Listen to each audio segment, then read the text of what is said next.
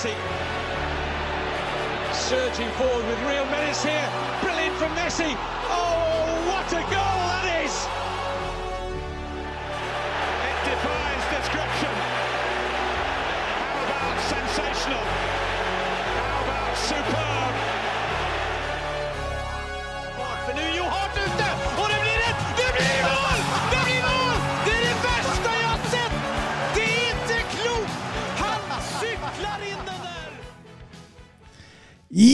Ja! Det er eh, sol og sommer og Det er ikke Det er ikke! Nei, snø og kaldt og Og desember og Ja. vått og Vått? Fælt vått. Er det du har vært i, da? Jeg er våt på beina.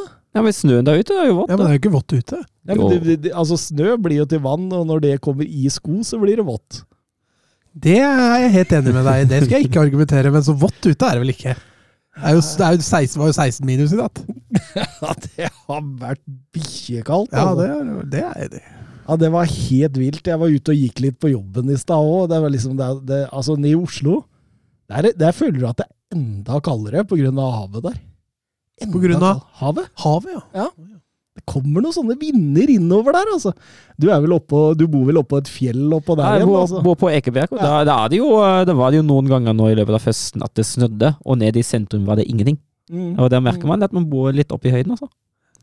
Det er litt kjøligere enn noen Bor grader. sammen med Fiffen der oppe, du. Dollar, dollaråsen oppe i, i Oslo der. Hver dag så står han i den der Ringnesparken og jodler utover Oslo by. Iført eh, Crocs!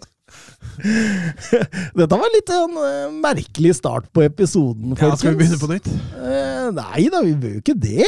Nei, det er jo fint å begynne litt annen sted innimellom. Men jeg kan jo si velkommen til episode 178 av den nydelige fotballpodkasten 90 minutter. Ja, det er fint. Det, det, det, det, nå tok vi igjen mye. Ja, Og med meg i dag har jeg Thomas Edvardsen. Velkommen. ja takk, takk. takk. Åssen har du det? Jeg har det fint. Ja, Ja, Ikke ja. noe nytt? Nei, jeg bare fryser noe voldsomt for tida. Ja. Skal på konsert i helga, eller? Mm. Det blir Det gøy. Lillos? Det blir gøy. Å, det blir deilig. Det blir deilig. Uh, gleder meg enormt. Spesielt til kokken Thor. Men uh, De Lillos han har vel en sangstemme du og jeg også kan matche, tror jeg. Ja, det kan godt hende. Ja. Det kan godt hende. Men det, han, han er litt sånn Suser av gårde Ja, der ser du! Du er helt lik, faktisk. Ja, ja. Få høre litt smak av honning. Det er hva du kaller det. Nei, jeg, jeg, jeg, jeg sto ikke først i talentkøen når det gjaldt musikk. Det, det gjorde jeg ikke. Nei, men det gjorde ikke De Lillos heller, så. Nei, eh, Søren Døfker, eh, alt bra? Alt bra. Takk som spør. Mm, mm. Kommet deg etter runden med helvetes ild? Ja, nå føler jeg meg ordentlig frisk igjen. Og hadde en uh, saga blått, så Og nå skal du på spa! Ja, jeg skal til Lillehammer til helgen. De, de har nok en sånn liten spadel på hotellet, og da tenkte vi å, å sjekke den litt ut. Ja. En dag, da. Du har allerede planlagt litt og sånn? Ja, ikke så mye, faktisk. Har planlagt overnatting. Har planlagt at vi skal på At vi skal på julemarkedet uh, i byen da på lørdagen. Og så har planlagt at uh, vi skal prøve å få med oss de VM-kamper som var. Så Nei, men det er ikke planlagt så mye, faktisk. Ta det litt som det kommer. Veit hvordan vi kommer oss dit og fra, og har overnatting.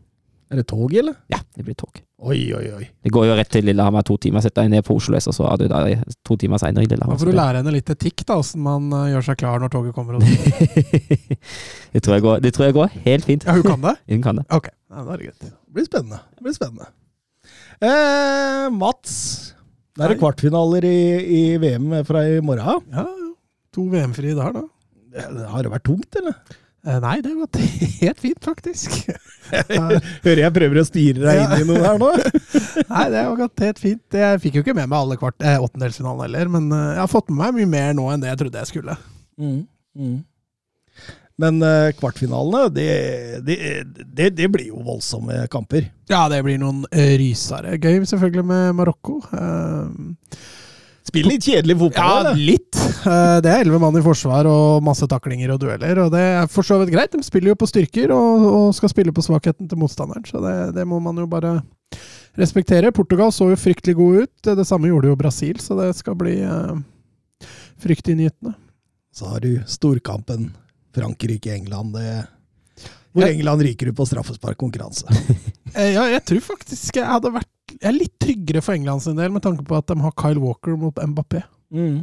Mm. Selv om um, Walker ikke er noen sånn superinternasjonal høyrebekk-type, så hvis det er én høyrebekk jeg ville satt på Mbappé, så tror jeg faktisk det er Kyle Walker. Mm.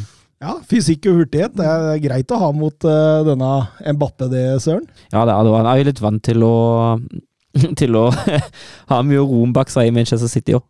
Så det går nok uh, er nok den best mulige, som Mats sier. Ja ja, i dag skal vi kåre årets lag i eh, topp fem-ligaene vi følger. Altså et samla årets lag, så det er en voldsom konkurranse her. I, eh, og, og da skal vi ta kalenderåret 2022. Eh, og så skal vi supplementere det med en haug av eh, gode lytterspørsmål. Så kommer vi til å dra oss langt ute på åpne sletter, og så får vi se hvor dette ender hen. Eh, Vi, vi, vi kan jo egentlig begynne med et Twitter-spørsmål her. Eh, eller en anbefaling, eller hva vi skal kalle det, fra Kim Jansen. Kan det bli aktuelt å ha en guidet 90 minutter-tur til Tyskland med Dupker ved roret? Det hadde jo vært kjempegøy, det. Altså, det hadde jo vært, eh, hadde vært stas. Det må man jo få til, tenker jeg. 90 minutter on tours? Ja, men altså sånn, eh, sånn langhelgstur med kamp eh, fredag, lørdag, søndag og hjem igjen mandagsmorgen. Da går jo an, det. Ja, det hadde vært nydelig, faktisk. Ja. Kan jo tatt det, Hvis vi gjør det først, da, så kan vi f.eks. ta sykle oss en tur til Sandnes eller noe sånt etterpå. Det hadde vært gøy, da. Betal eh, så og så mange penger inn på konto, så skal dere få med dere crocs og frakk ved avreise. Så går vi i uniform hele gjengen.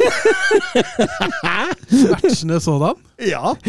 Grønne i uh, sin favorittånd. Ja, men altså, det er jo Tyskland er jo egentlig et land som egner seg veldig fint med det. Særlig hvis man, altså, hvis man slår base i ett område, da. Eh, si at man er i O-området og Vest-Tyskland. Eh, det er veldig fint mulig å finne kamp på de øverste to nivåer gjennom hele helgen. Det er ikke noe problem. det og Togforbindelsene pleier å være bra, så man kommer seg fint fram og tilbake. Jeg har altså gjort det flere ganger at jeg har hatt har pendlet mellom Wolfsburg, Hamburg og Berlin. Og hatt helga der og sett kamper. Det, det lar seg fint gjøre, altså. Jeg vil se aller mest Bundesliga. Ja, det skjønner jeg jo godt at du vil. Jeg, jeg er jo der. Ja, ja. Men jeg kan gjerne se, se noe sånn 1860 og Ja, det, er, det er noen, eh, noen kultklubber altså på, på andre og tredje nivå. Det finnes noen kule kamper og kule klubber der. St. Pauli hadde vel vært artig, det òg. Ja, de, nå er de litt inne i en krise, da, men uh, sparka treneren sin nå denne uka. her. Jo, jo, men tribunelivet og, Tribunelivet er jo eneste, altså den, eneste noen uker ikke si, men den er fantastisk. omgivelsene Ja. er vel greie. Ja, Vel, Deilig, deilig. Anders Hansen han eh, spør oss eh, hvilke kamper har dere vært på, eh, og som dere vemodig ser tilbake på som de største og kuleste øyeblikkene, og kan de toppe massive Sandefjord mot Haugesund i november 2022? ja, da blir det jo overtid som redda kvalik for Sandefjord. Man ligget under 0-2 veldig lenge. Kom det to veldig sene skåringer, og altså Sånn rent emosjonelt er det noe av det beste man kan oppleve. At det kommer så seint når man føler at alt er tapt, uh, og så viser seg at det går inn til slutt med siste margin likevel. Det er, det er jo fantastisk. Det er jo noe av det beste som finnes på en fotballbane. Men, men spørsmålet er eh, hvilken sånn kamp er det du husker du har stått på tribunen og sett på? En lignende Da spilte vi nest siste runde med Wolfsburg bortekamp i Aachen mot Alemania Aachen på gamle tivoli. Eh, trang, intim stadion, utsolgt, masse lyd. Eh, var nest siste runde. Aachen var tre poeng eh, To poeng bak og hadde voldsomt dårligere målforskjell. Tre poeng bak, tre poeng bak, tre poeng bak var det. Og Jeg syns jeg har ja. hørt denne historien før. har vi hatt noen lignende spørsmål før, kanskje? Men ja, jeg Ja, kjør, men, kjør på. eh, men, Ny, eh, nye lyttere. Så, og så hadde Wolfsburg i siste runde Bremen hjemme, som på den tida lå på andreplass, var et topplag, og Aachen hadde bortekamp mot HSV, som var bedre da enn de er nå, men en litt lettere kamp enn det Wolfsburg hadde. Og hvis Aachen skulle vinne den, så var Wolfsburg i den eh, forferdelige posisjonen og måtte vinne mot Werder Bremen for å være trygge på å holde seg. Og Da var det ikke noe kvalik, da var tredje sisteplass rett ned. Og Arn leda 2-0 lenge. Uh, fram til det i det 81. og 87. minutt, eller noe sånt. Wolfsburg slo tilbake og spilte 2-2 og berga plassen der. For Arne hadde 14 mål dårligere i målforskjell. og det var, det var fryktelig deilig. Det var sånn, litt sånn den samme følelsen som uh, Anders hadde mot Haugesund, tipper jeg. Uh, Mm. Var alt bare faller på plass likevel, når du føler at alt er over, egentlig. Mm. Men det var jo ikke fullt så dramatisk med tanke på at det var en serierunde til der man kunne eventuelt ha fiksa det. Men uh, Men spurte han ikke om å tenke tilbake på vemodig? At det var litt Ja, trist? det, at vi vemodig ser tilbake som det største og kuleste øyeblikket. Ja, da tenkte jeg feil, ja. Jeg tenkte jo på den der Rosenborg-matchen i 2001. Hvor alt går til helvete. Nei, ikke til helvete, men da, da var vi, altså det ble jo tilskuerrekord og sånn på Åråsen, for da hadde man jo ståplasser bak mål, så det var jo vanvittig stemning. Lillestrøm kjempa om seriegull, og røyk 2-1 eh, på Åråsen. Det var nedtur, husker jeg. Og så var jeg på den cupkampen hvor vi tapte 12-11 eller noe sånt på straffespark mot Vålerenga. Kjetil Rekdal rakk å skyte to ganger før vi før vi ferdig, så det var eh, Det var der han sa det er bedre at I Ja. skårer enn at du bommer. Han sa det til skal ha sagt det til Panserhagen, ja. Mm. Men eh, da må det vel i så fall bli cupfinalen mot Sarpsborg, som kanskje det kuleste. Mm. Mm. Jeg, jeg tror jeg har fortalt uh, om da vi snudde 0-1 til 2-1 på, på White Hart Lane med Harry Kane. Så jeg kan jo ta den andre store eh, opplevelsen jeg hadde. Det var eh, Manchester United-kamp på White Hart Lane. Vi var veldig usikre på om det skulle bli kamp når vi sto opp, for det, det var enorme snømengder i London for å være London. Og når London får det vi kaller het moderat snømengde her i Norge, så står altså, de, de tror knapt nok at de skal komme seg gjennom dagen. Så det så ut som det ser ut nå? Ja, ja, ja omtrent. Og, og, og alt sto. Det, det var ikke mulig, liksom. Og, eh, men vi fant jo ut at uansett om det blir kamp eller ikke, vi må jo opp og, og begynne å, å, å ta noen bayere og, og sånt. Og, det viser jo seg etter hvert at det blir kamp da jeg er med en Manchester United-supporter, faktisk, på den turen her. Og United tar tidlig ledelsen 1-0. Eh, Tottenham spiller utrolig bra fotball. Utrolig bra. Egentlig så kjører de over United. Angrep etter angrep, det går ikke, altså. Det går ikke. Han står som en vegg, denne De. Eh, går til pause, ligger under 1-0. Eh, det går utover kampen. Og så helt, helt på overtida, så setter Clint Dempsey inn 1-1.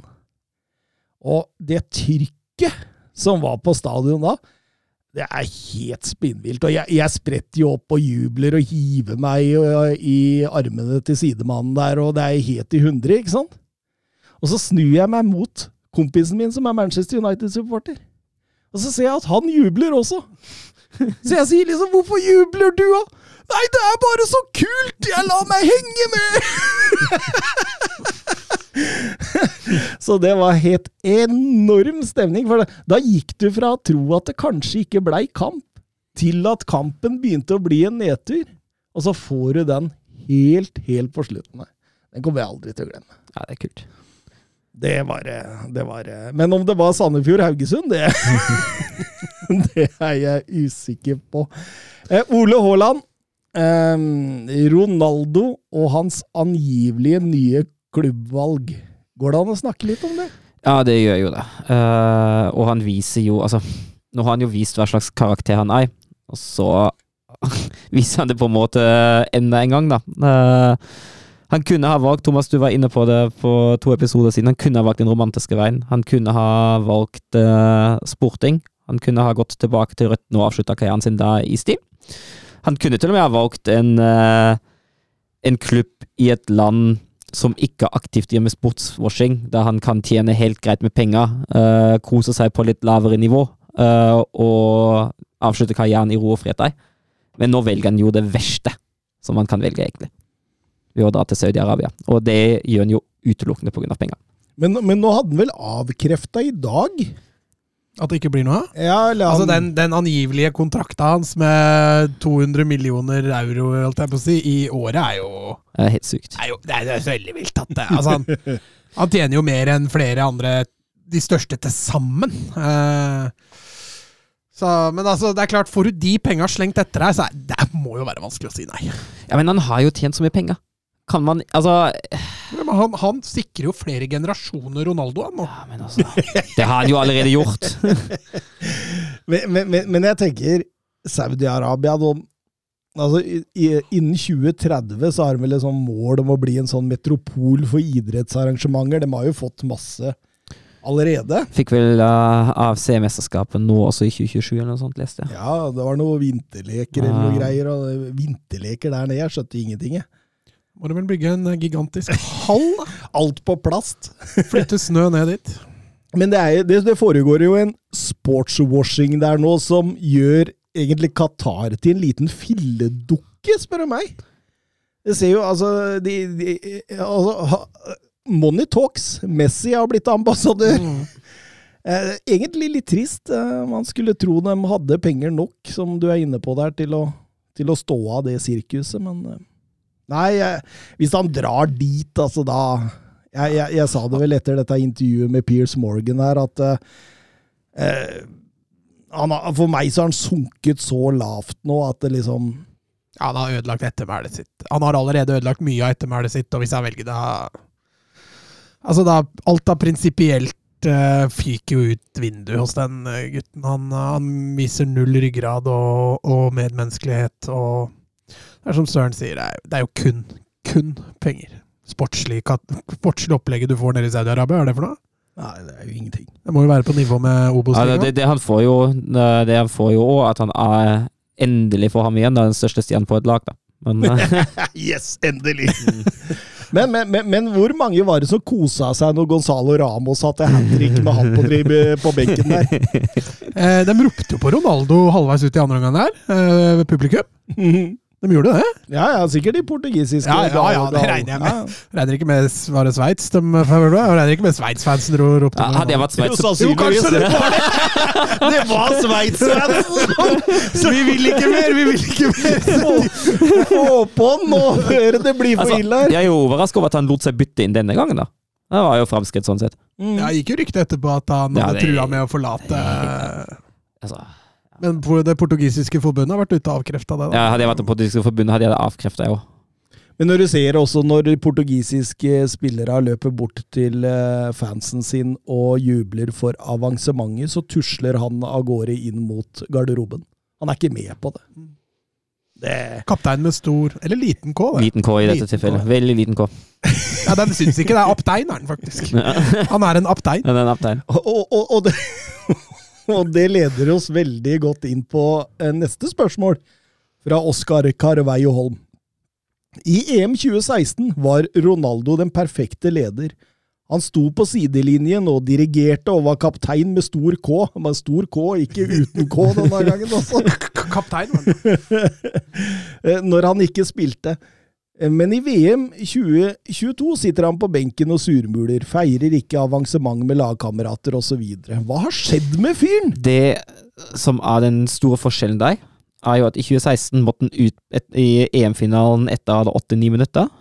Uforskyldt. Han ble skada. Han kunne ikke noe for det.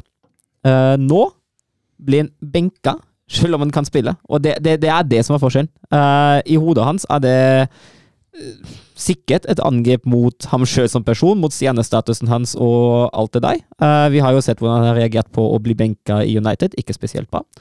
Uh, og altså, det virker jo til å være en fyr som sliter med å innse at karrieren er på hell, og at den ikke lenger er i nærheten av å være verdens, verdens beste lenger. Og det viser seg i sutring.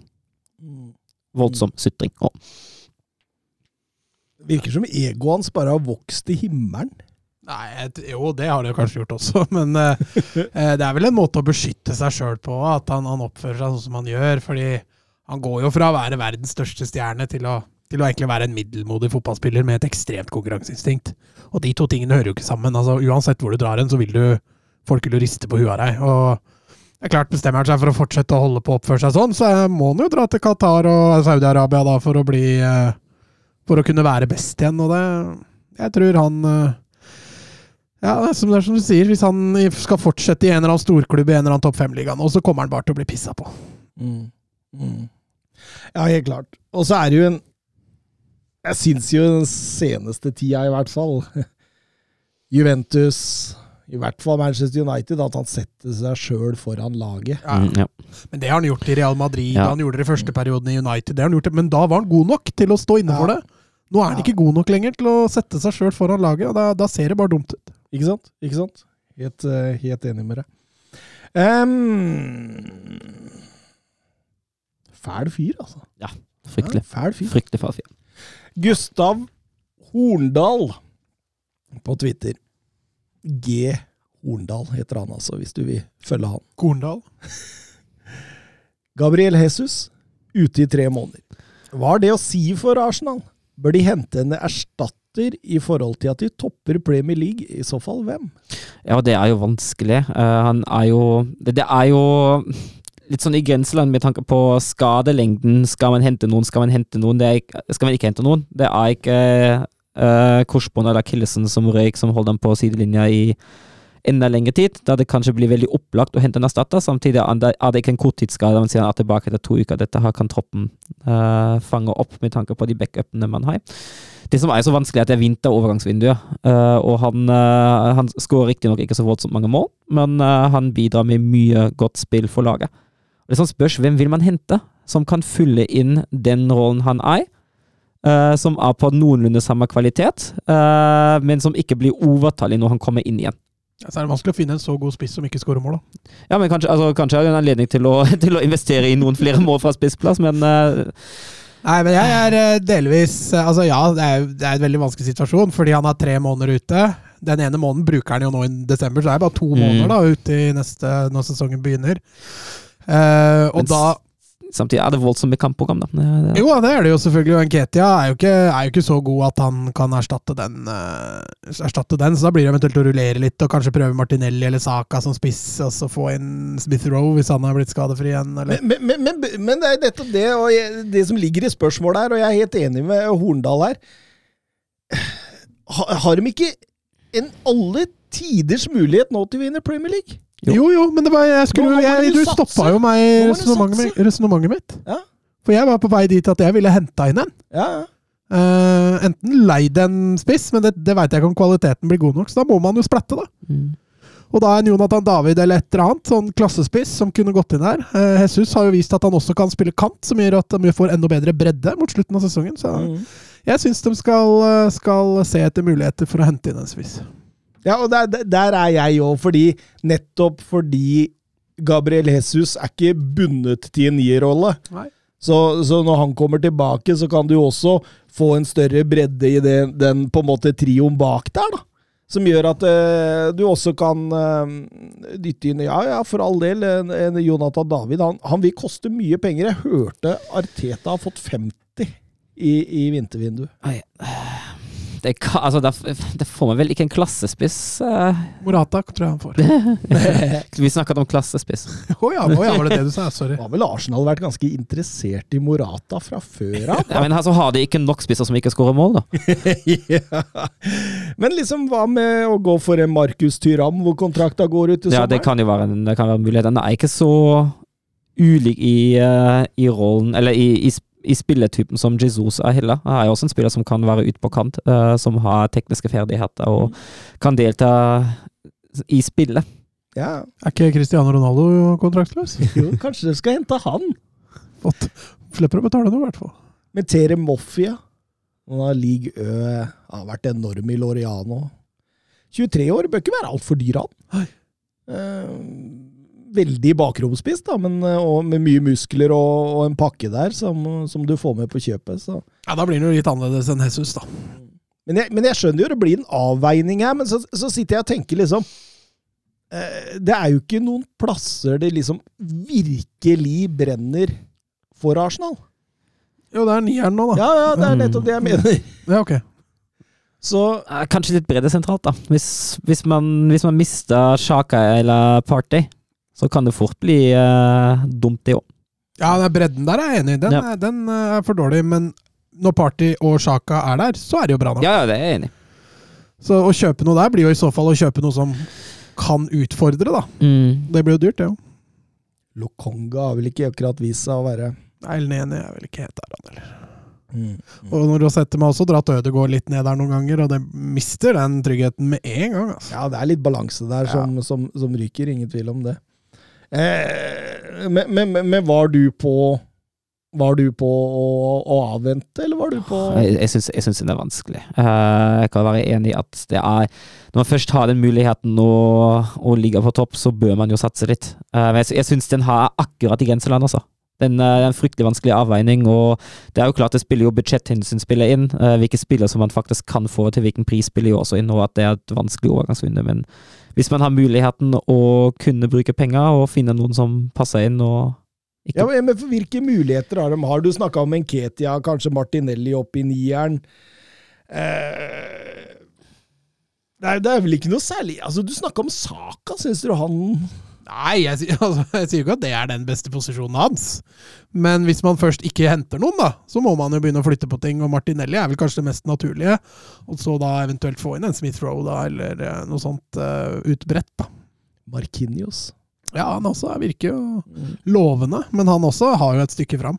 Vet du hva, jeg tror jeg Jeg, jeg ville gått for Tyram, jeg. Mm. Banka på døra til, eh, til Gladbach og sagt eh, du, vet du hva, nå, kan, nå har dere sjansen til å cashe inn litt penger her på, på Tyram før han stikker til Ja, det er ikke umulig at de hadde fått noe, hvis de hadde prøvd. Mm.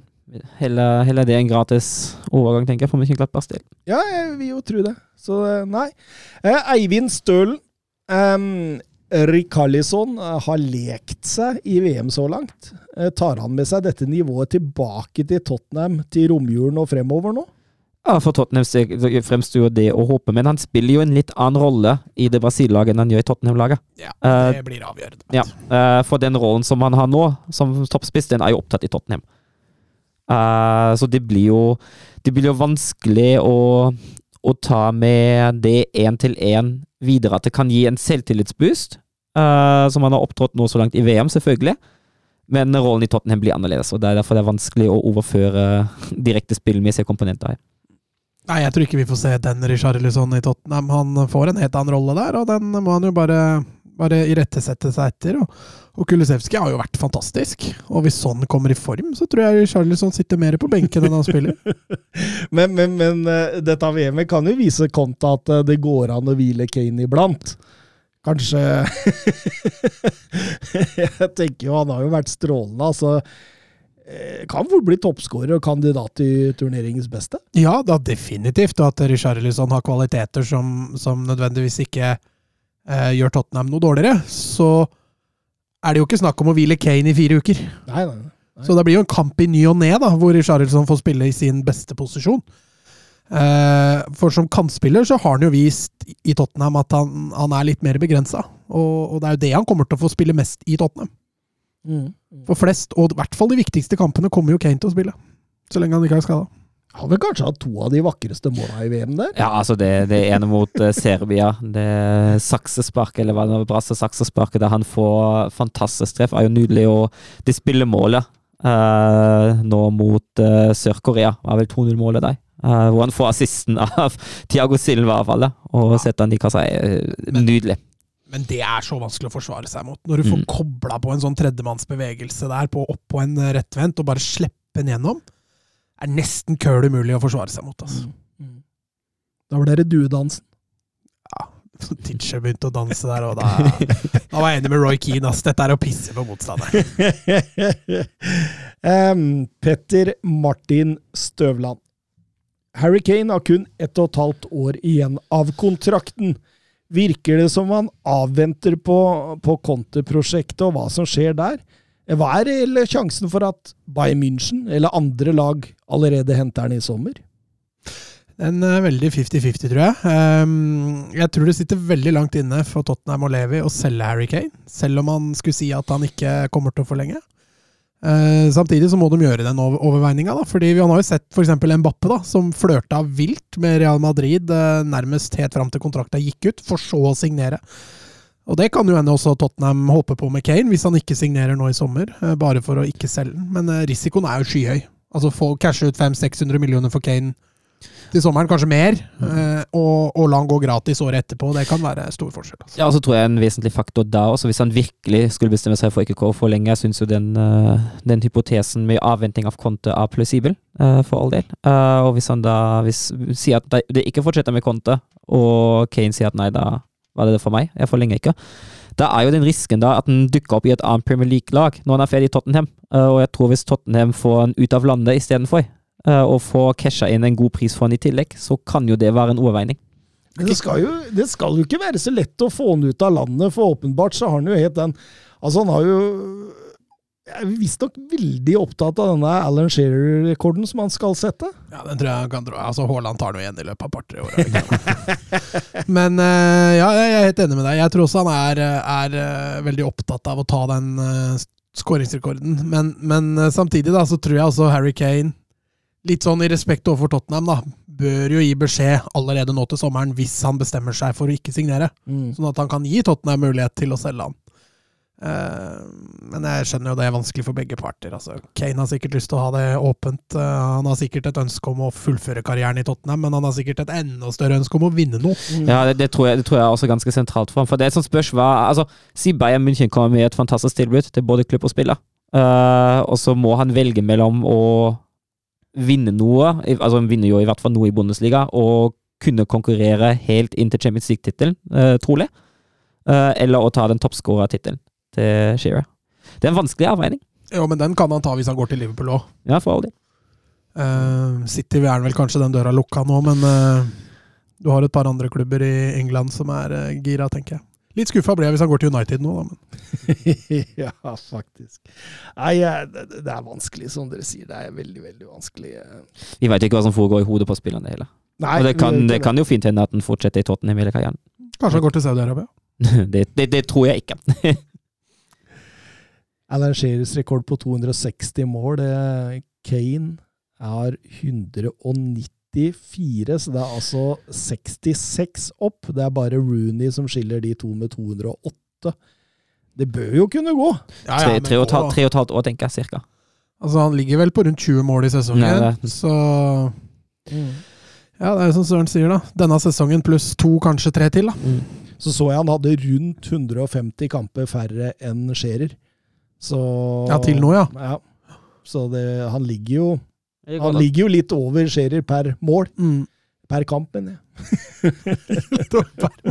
så ett Harry Kane-mål er verdt 1,2, er det det du sier? det er verdt, et Harry Kane-mål er verdt 1,2 Alan Scherer-mål. Sånn er det. Um, Jørgen Nystuen.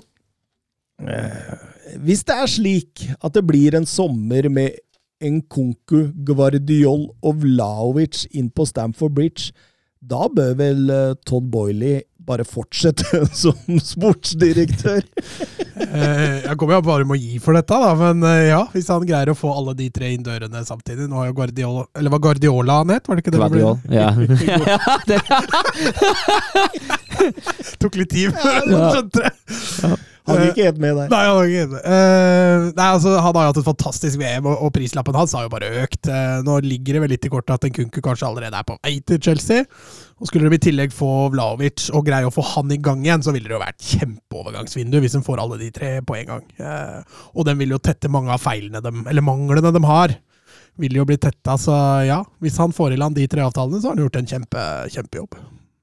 Men en Konko 75 Guardiol Jeg tror ikke han blir billigere enn 50, i hvert fall. Altså, jeg tviler jo også på at Juventus ikke har lyst til å tape penger på Dusan Vlavic. Altså, det tilsvarer jo sikkert rundt 80 millioner der òg, da. Så da, da Altså Svein jo allerede en god del den sommeren her. Ja, og det brenner fortsatt på midten, hvis ja. du henter de der, så eh, Men jeg, jeg tror ikke Jeg tror som Chelsea-supporter, da, hvis du tenker at disse tre kommer inn, da tror jeg du, vi får en liten skuffelse i sommer. Det skal ikke være mulig. Ikke i samme, nei, nei. I samme vindu. Nei, altså Dette er jo spillere for ja, det er jo som du sier, da, nesten godt over 200 millioner i tillegg. Det er klart Chelsea kan sikkert selge noe også, men uh, den forhandlingen Altså Du skal hente to fra Leipzig, da. Den, bare der tror jeg du møter på ganske noen utfordringer. altså. Men uh, spennende, og det som dere sier, det er jo spillere de trenger over hele linja her. Ja, det er jo posisjoner som må forsterkes. Didrik Tofte Nilsen. Newcastle skal holde seg i topp eh, fire på både kort og lang sikt. Hvem ville dere kjøpt i januar, og hvem bør hentes i sommer for å bygge dette videre? ja, altså Hvem som skal kjøpes i januar? Jeg vet ikke. jeg tror du Har du tro på at Newcastle splatter noe allerede nå i januar? Ja, jeg tror nok Altså, ja, det, det, det, tror jeg. De, de, må jo fortsette sånn sakte, men sikkert nå å styrke elver, og ikke minst tropp. Eh, en backup til Trippier på høyrebekken, eller en som kan utfordre han på sikt, det tror jeg er eh, noe man må. må. Altså, Trippier han er, han, er, han er ikke skadefri. Han er skada rett som det er, og, og ja, backupen der er ikke veldig bra. Så, så en inn der, kanskje en Max Arons fra, fra Norwich, eller en, um, en Frimpong fra Leverkosen, kunne vært en mulighet der. Eh, Jeg tror det må ha inn én sentral. Eh, gjerne en offensivt anlagt. Det snakkes om Madison, så får vi se eh, hva som skjer der. Men utover det så tror jeg liksom januarvinduet på mange måter kan, kan gå sin gang, og så må de begynne nå med en liten ryddejobb til sommeren. Få ut alle disse Dømmet, eh, Kraft, Mankio, Shelby, alle disse, og så må man begynne å, å, å spe på for elveren også. Hadde du noen eh, tips til dem, eller Søren? Nei, eh, jeg tenker jo at det å, som Mats var inne på, det å bygge klubb videre, Mm. og ikke forhaste seg, er, jo, er jo fornuftig. Det er en fornuftig strategi, tenker jeg. Og, Og så har de gjort det veldig bra til nå også. Ja. Altså, å få inn noen store signeringer nå i januar er ikke sikkert det er så veldig lurt heller, for det er åpenbart god harmoni i gruppa, og, og Eddie Howe har, har lyktes veldig bra. Så er, Ja. Kanskje de kan ta seg råd til, eller som du sier, da, at de forsterker en backup, eller at de kjøper litt bredde. Det, det kan jo selvfølgelig kanskje være fornuftig, men at de skal kjøpe inn en Mbappe nå, det Nei, og så kommer jo tillegg, hvis de virkelig skulle klare å holde seg i topp fire ut sesongen, så blir de jo fryktelig mer attraktive for nye spillere nå neste sesong også, med Mm. Champions League på bordet.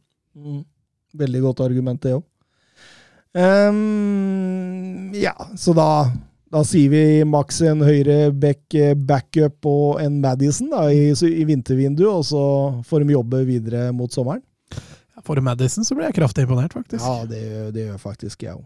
Det gjør jeg. Men uh, en sånn type hadde passa dem. Um, Kim Jansen. Good evening, skriver han her. og da skjønner vi hvilken klubb det handler om. Det er vel Unai Emery, det, da. Hvilke plasser må Aston Villa forsterke seg på dersom man skal bli en utfordrer til europacupplassene? Pengene finnes, skriver han. Ja, jeg synes jo den, det, det, er, det er et fint spørsmål, Uh, for når jeg ser på den Esten Villa-klubb, uh, Esten Villa-stallen, da, den toppen som de har Villa-klubb, ja. ja. Nei, men hvis jeg ser på den stallen, så skriker Ja, jeg har egentlig ikke lyst til å le, men så ser jeg på deg. Så går det ikke Jeg altså, ser du tenker det samme. kvali kvaliteten, eh, kvaliteten på den stallen, den skriker egentlig åttende til tiendeplass, egentlig på alle posisjoner. Det, det, det, er en, det, det er en fin og eh, jevn, brukbar tropp. Uh, uten sånn voldsomt store svakheter, som jeg ser det. Men på alle posisjoner skriker det åttende til tiendeplass. Etter min mening. Uh, så jeg tenker også at her er det her er det step by step, altså. Eh, det er fryktelig vanskelig å bryte inn i den falansen med topp seks, topp sju-lag, eh, hvis vi begynner å regne Newcastle inn i deg. Eh, Man er jo avhengig av at det kommer noen feilskjær der. Du, du, du, jeg syns du har et poeng, Døpker. At det liksom du, du, Når du ser på stallen her, så tenker man oi, her var det mye gode fotballspillere, men altfor mange på en hylle litt for lavt for topp seks i, i, i Premier League. Altså, bredden i laget òg, stort sett god. Eh, man må, må nok inn her og styrke elveren betraktelig. Jo, men jeg tenker et sted som er fint å begynne, er, er bak. Og så få murt igjen bak. Eh, stopper av dem har hatt nå. Altså, Tyron Minks lever fortsatt litt på ryktet, føler jeg. Eh, har vært veldig varierende. En, Konsa som også er eh, og veldig opp og ned. Som fått inn en klassestopper som kunne murt igjen det forsvaret der. Det tror jeg hadde begynt der. De får jo en tilbake etter skade nå. Mm, ja da, men det er som du sier, det de allerede har, er jo bra. Men ikke bra nok til å kunne kjempe helt i toppen. Men, men, men jeg tror jo liksom på en måte at det, ha, Altså jeg- Når jeg så på elveren deres, da, så tenkte jeg liksom Og, og, og, og kanskje litt flåsete i og med at de, de vant mot Manchester United, men eh, for å trekke parallellen Manchester United, da. Hvilke Aston Villa-spillere eh, ville gått rett inn i elveren til Manchester United? Slik som det er i dag. Altså, kanskje en Martinez, kanskje en Luca Dign. Eh, Douglas Lewis, men, men ingen av dem er sikre på å gå inn i Manchester United-elveren. Eh, Altså, men de har, det er mye potensial. Altså En Coutinho, hvis han finner igjen formen, da, hvis du sier på den måten, det er jo et kjempepotensial der. Det er derfor jeg sier de har mye interessant offensivt, hvis de får det offensive til å gli. men, jeg, men jeg tror liksom Ok, her må vi begynne og, og, og sterk, forsterke. Og som Mats sier, fint begynn bak. En stopper, en sentral midt, kanskje en offensiv og en angriper. Kanskje det. Altså eh, Leon Bailey, han er god, han er ja, ikke topp god. seks god. Eh, Ollie Watkins og Danny Ings, de er gode, de. Men de er ikke noe topp seks gode. Eh, Tyron Mings, helt, helt grei. Ingen topp seks-grei. Altså, Ja, ja. du, du ser sånn hele veien der, da. Så her må man ha noen som liksom på en måte kan gå inn, forsterke sentrallinja, og kanskje få med seg et par-tre Mm. opp. Da tror jeg liksom på en måte man kan men, det, det, men vanskelig. Jeg tror kanskje La oss si at man kjøper prøver å henge seg på Mydrik, da. Eh, kanskje henter det Badiashil eller Pau Torres eller noe sånt. Han kjenner jo til han eh, Unai Emry. Mm. Uh, og, og kanskje hente ut en Moise Caicedo fra, fra Brighton. Men, Så er, begynner man å styrke sentrallinja. men der. styrka, men da, da også Er dette spillere som er selvskrivne topp seks i Premier League?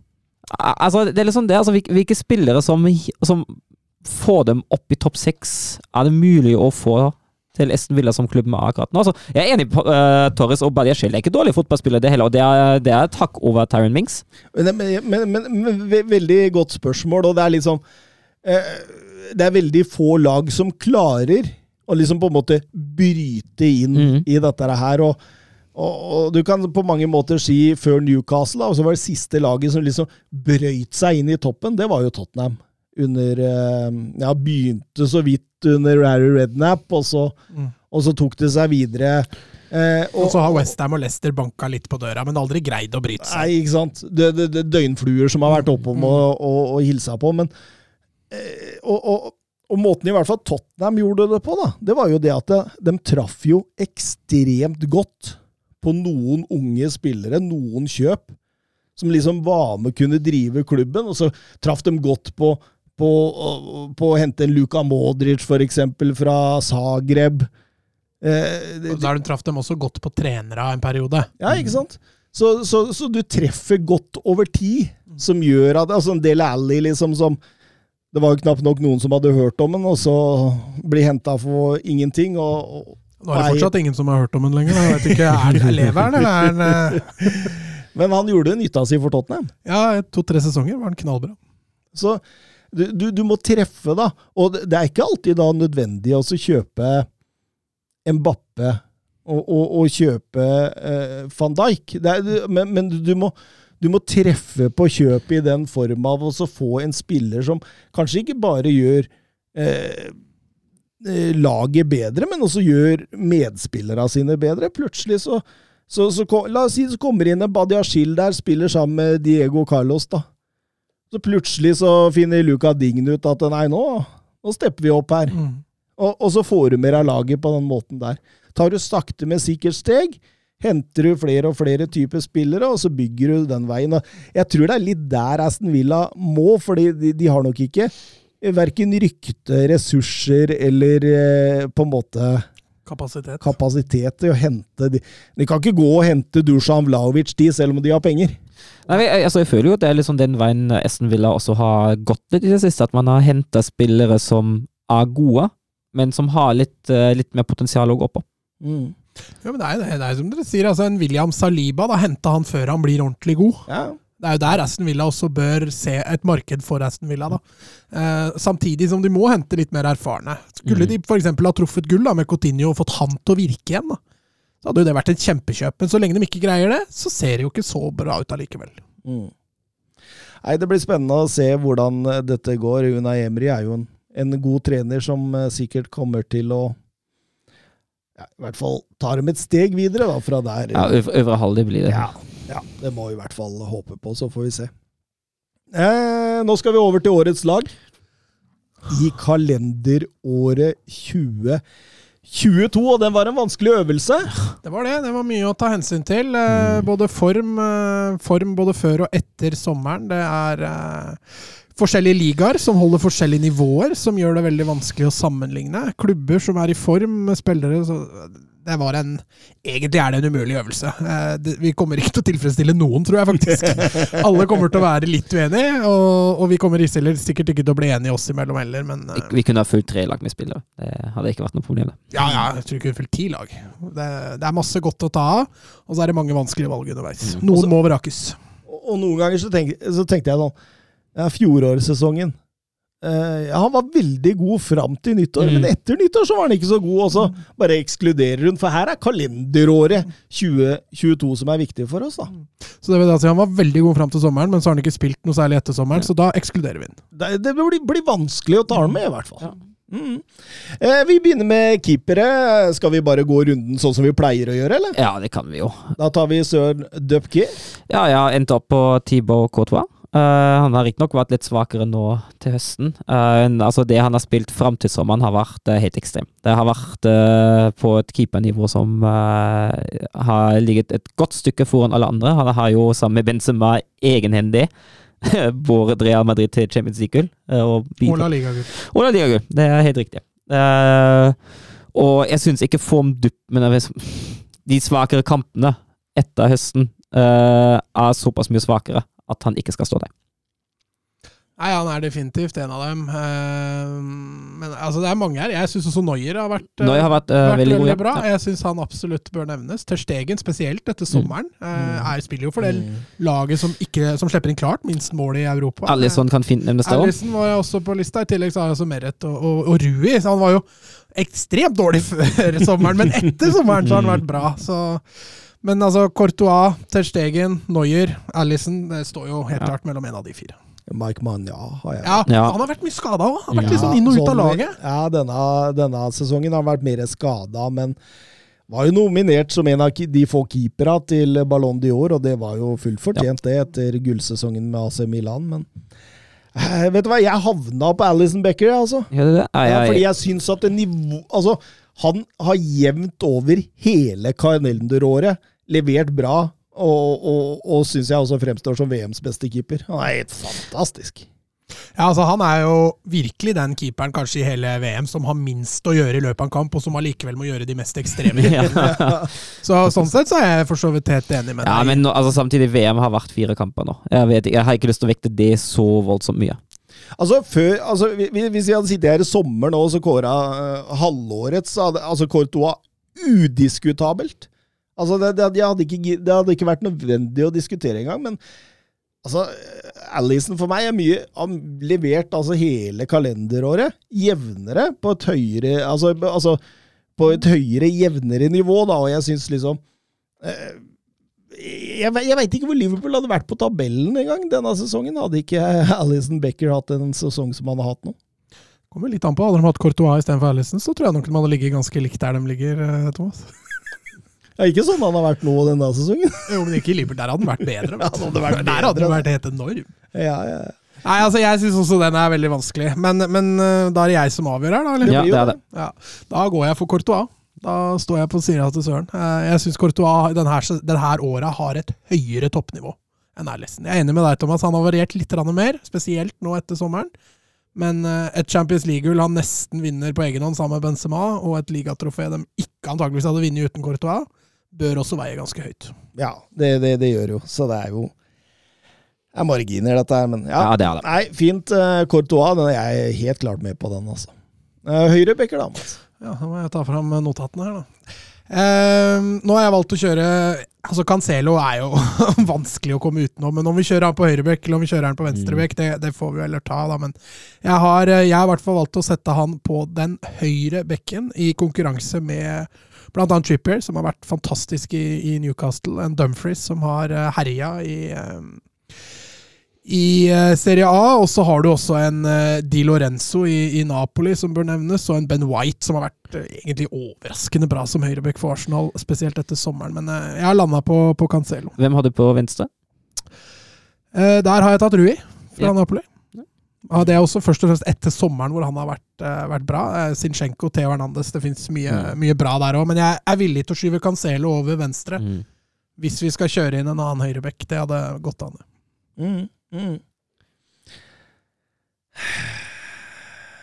Jeg har Reece James eh, med på lista, og så har jeg Hakimi Mm. i forhold til de eh, Mats eh, nevnte på Men høyre. jeg har ikke tatt så mye Frankrike, ass. Jeg syns den er vanskeligere. Det er en liga som åpenbart er litt svakere enn de andre. Jeg skjønner det er vanskelig å komme utenom noen PSG-stjerner her, for de herjer jo uansett hvor de spiller. Men uh, holdt meg litt unna ligaen, altså. Mm. Men Reece James, helt klart, nå har han vært skada mye, da. Ja, Eh, dessverre. Som gjorde at jeg ekskluderte han. Eh, Men hadde han spilt, så hadde han antageligvis, antageligvis vært på laget. Så Men eh, Nei, det er vanskelig. Jeg har Cancelo der, jeg òg, faktisk. Ja, jeg har Cancelo på høyre. Jeg fant en uh, Konkurransen på venstrebekken likte jeg litt bedre enn konkurransen på høyrebekken.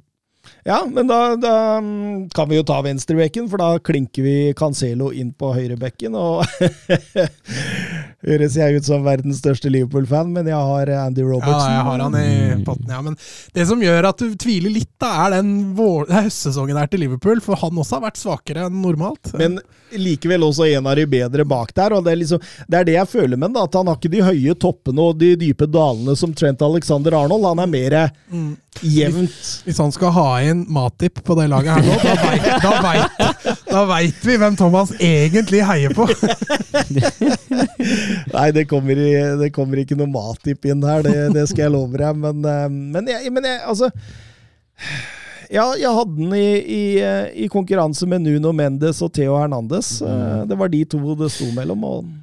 Jeg faller litt på Theo Hernandez pga. den gullsesongen til, eh, til Milan, da han har vært helt enestående. Men jeg kan fint leve med Robertson, og jeg syns de to du nevner, er nok i tillegg til til Hernandez, de tre det står mellom for meg òg. jeg falt på Hernandez, men det er marginer, så jeg kan, jeg kan fint leve med Robertson, og det er nesten men, men hva 50-50 for tenker meg. du, da? Mats? Altså, jeg, Topp tre min var Robert, eller Rui Robertson Hernandez, så jeg hadde Robertson som nummer to. Så da må jeg jo nesten si uh, Da klikker vi Andy Robertson inn der, da, så går vi for stoppera til Søren. Ja, og da mener jeg en av selvskreven. Uh, det er stopperen som vi tok med på årets lag allerede i- for eller, sesongens lag 2021-2022 i, C- i League Ø, som det etter gikk til Premier League og fortsatte å herje i Arsenal. Og eh, Saliba, han må inn der, etter min mening. Det er, han er ikke kommet utenom, altså. Mm. Og så er det jo voldsomt med konkurranse om den uh, plassen ved siden av. Men man kan nevne så mange spillere. Det er uh, Rom Diaz, Araujo, Condé, Eda Militao, Marquinhos uh, Guardiol var sterk, for, var sterk for Leipzig, og Romero har vært fremragende i Tottenham, Bastoni i, i Inter, Alaba i Real altså det, det, Men, men, men, men, men jeg tenker jo, Men i en verden hvor Ruben Diaz er inn og ut av laget Wurzel van Dijk ikke helt har nådd nivået sitt etter Mm. skaden. Uh, De Ligt ikke klarer å ta det siste steget, så er, så er Markinios for meg verdens beste Ja. stopper.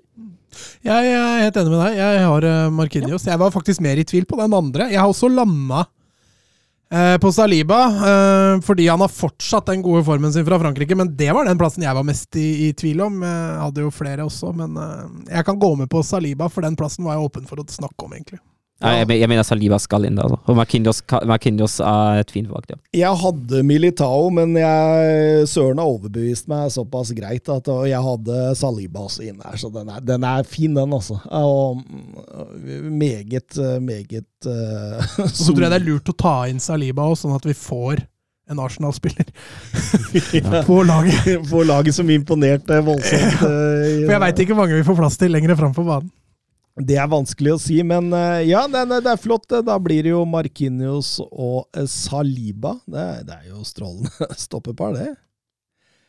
Høyre kant da, Mats. Oi, er det meg igjen alt? Kantspillere, skal vi se Nå har jeg bare kjørt alle som én kantspiller, derfor er jeg åpen for diskusjon. Den venstre kanten er jo fryktelig gira på å ta han eh, georgieren. Eh, og det gjør at det åpner seg litt andre Du har flere, altså, men uh, åpner seg litt på den, uh, på den høyrekanten. Dembélé har jo vært fantastisk egentlig for Barcelona. Kanskje en av de bedre argument, eller kanskje en av de bedre Barca-spillere å få inn på laget her. Du har en Saka i Arsenal som har vært uh, vært fantastisk. En Dybala som har løfta Roma når han ikke har vært skada. En Sala som vi kan vurdere å dytte ned på, på høyrekanten. Og så har du en Almiron som Ja, Newcastle hadde vel ikke vært likt på langt nær så gode nå som hadde det ikke vært for han. Og så, og så har jeg også tatt med Bernardo, Bernardo Silva der, bør også nevnes. Sier du at du ikke har med Dejan Kulusevski? Eh, Nei, ikke. Han ble ikke med i avslutningspotten.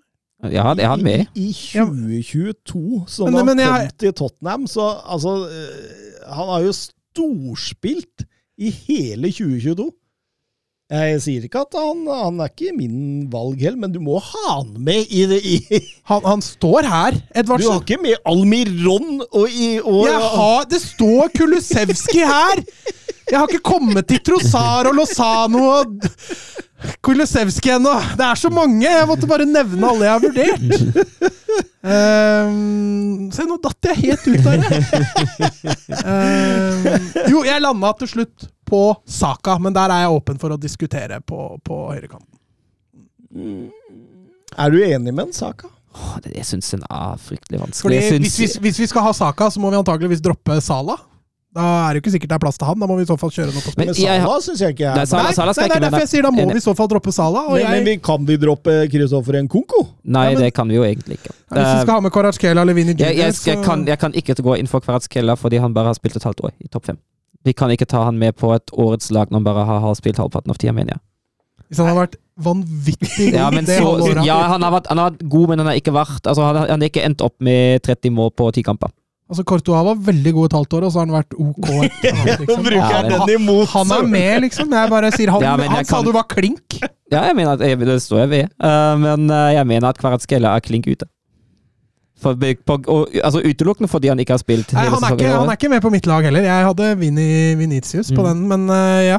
Kvaraskela bør jo Jeg syns han bør nevne Jeg mener ikke han er klink ut, liksom. Han må- Nei, nei, Ja, jeg må nevnes enig, men han, altså, altså hadde, vi, hadde vi snakket om høstens lag, hadde han vært der. Hadde, vi, hadde vi snakket første på ja, blokka, faktisk. Eh, hadde vi snakket om sesongens lag for 2022-2023, skal det mye til eh, for at ikke han ender der til slutt, altså. Men da hadde det jo vært flere Napoli-spillere. Da Ja. hadde Lobotka Ja. og, og Victor Oshimen eh, også vært der, i hvert fall. Men jeg er helt enig i at Nkonko må jo ja, jeg mener altså- at den er klink. Skal han på høyre, da? Ja. Skal han spille i feil posisjon, liksom? ja, han, kan, han er jo såpass fleksibel at han kan spille overalt. Han kan spille fint der. du kan til og med sette den inn sentralt, men Så det er så mange jeg, andre da kan jeg nominere Almiron sentralt, da. Da skal jeg ta venstrekanten, jeg, da. Ehm, det sto Altså, jeg, jeg hadde jo mange Kvadraskela var med der. Eh, Musiala prøvde jeg å, å, å se på der. Phil Foden, Rafael Leao. Det var alle spillere jeg liksom tenkte hmm. Men så blei det et valg til slutt mellom Venitius og Kylian Mbappe. Mm.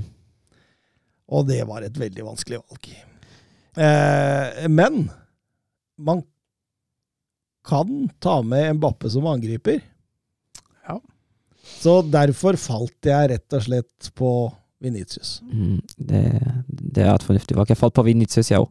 Mm. Men uh, jeg tok ikke med Mbappe, men du, det gir mening å ta med Mbappe på spiss nå, som du sier. Det, det gir faktisk mening. Men uh, ja, nei, jeg, jeg støtter Vinicius. Mm. Ja, for den, akkurat den angrepstrioen til PSG, den er, den er litt lei, den, ass. Mm. Uh, og det å herje i league Ø, Mm. ikke det samme som å herje i Premier League. ass. Nei, altså, altså, Men de stå... herjer jo litt i Champions League. Ja, men det er bare litt. Ja. ja. Og så står, stå argumentet med Vinicius at han har vært såpass avfjørende for Madrid. Mm. Det, det, er, det er såpass viktig.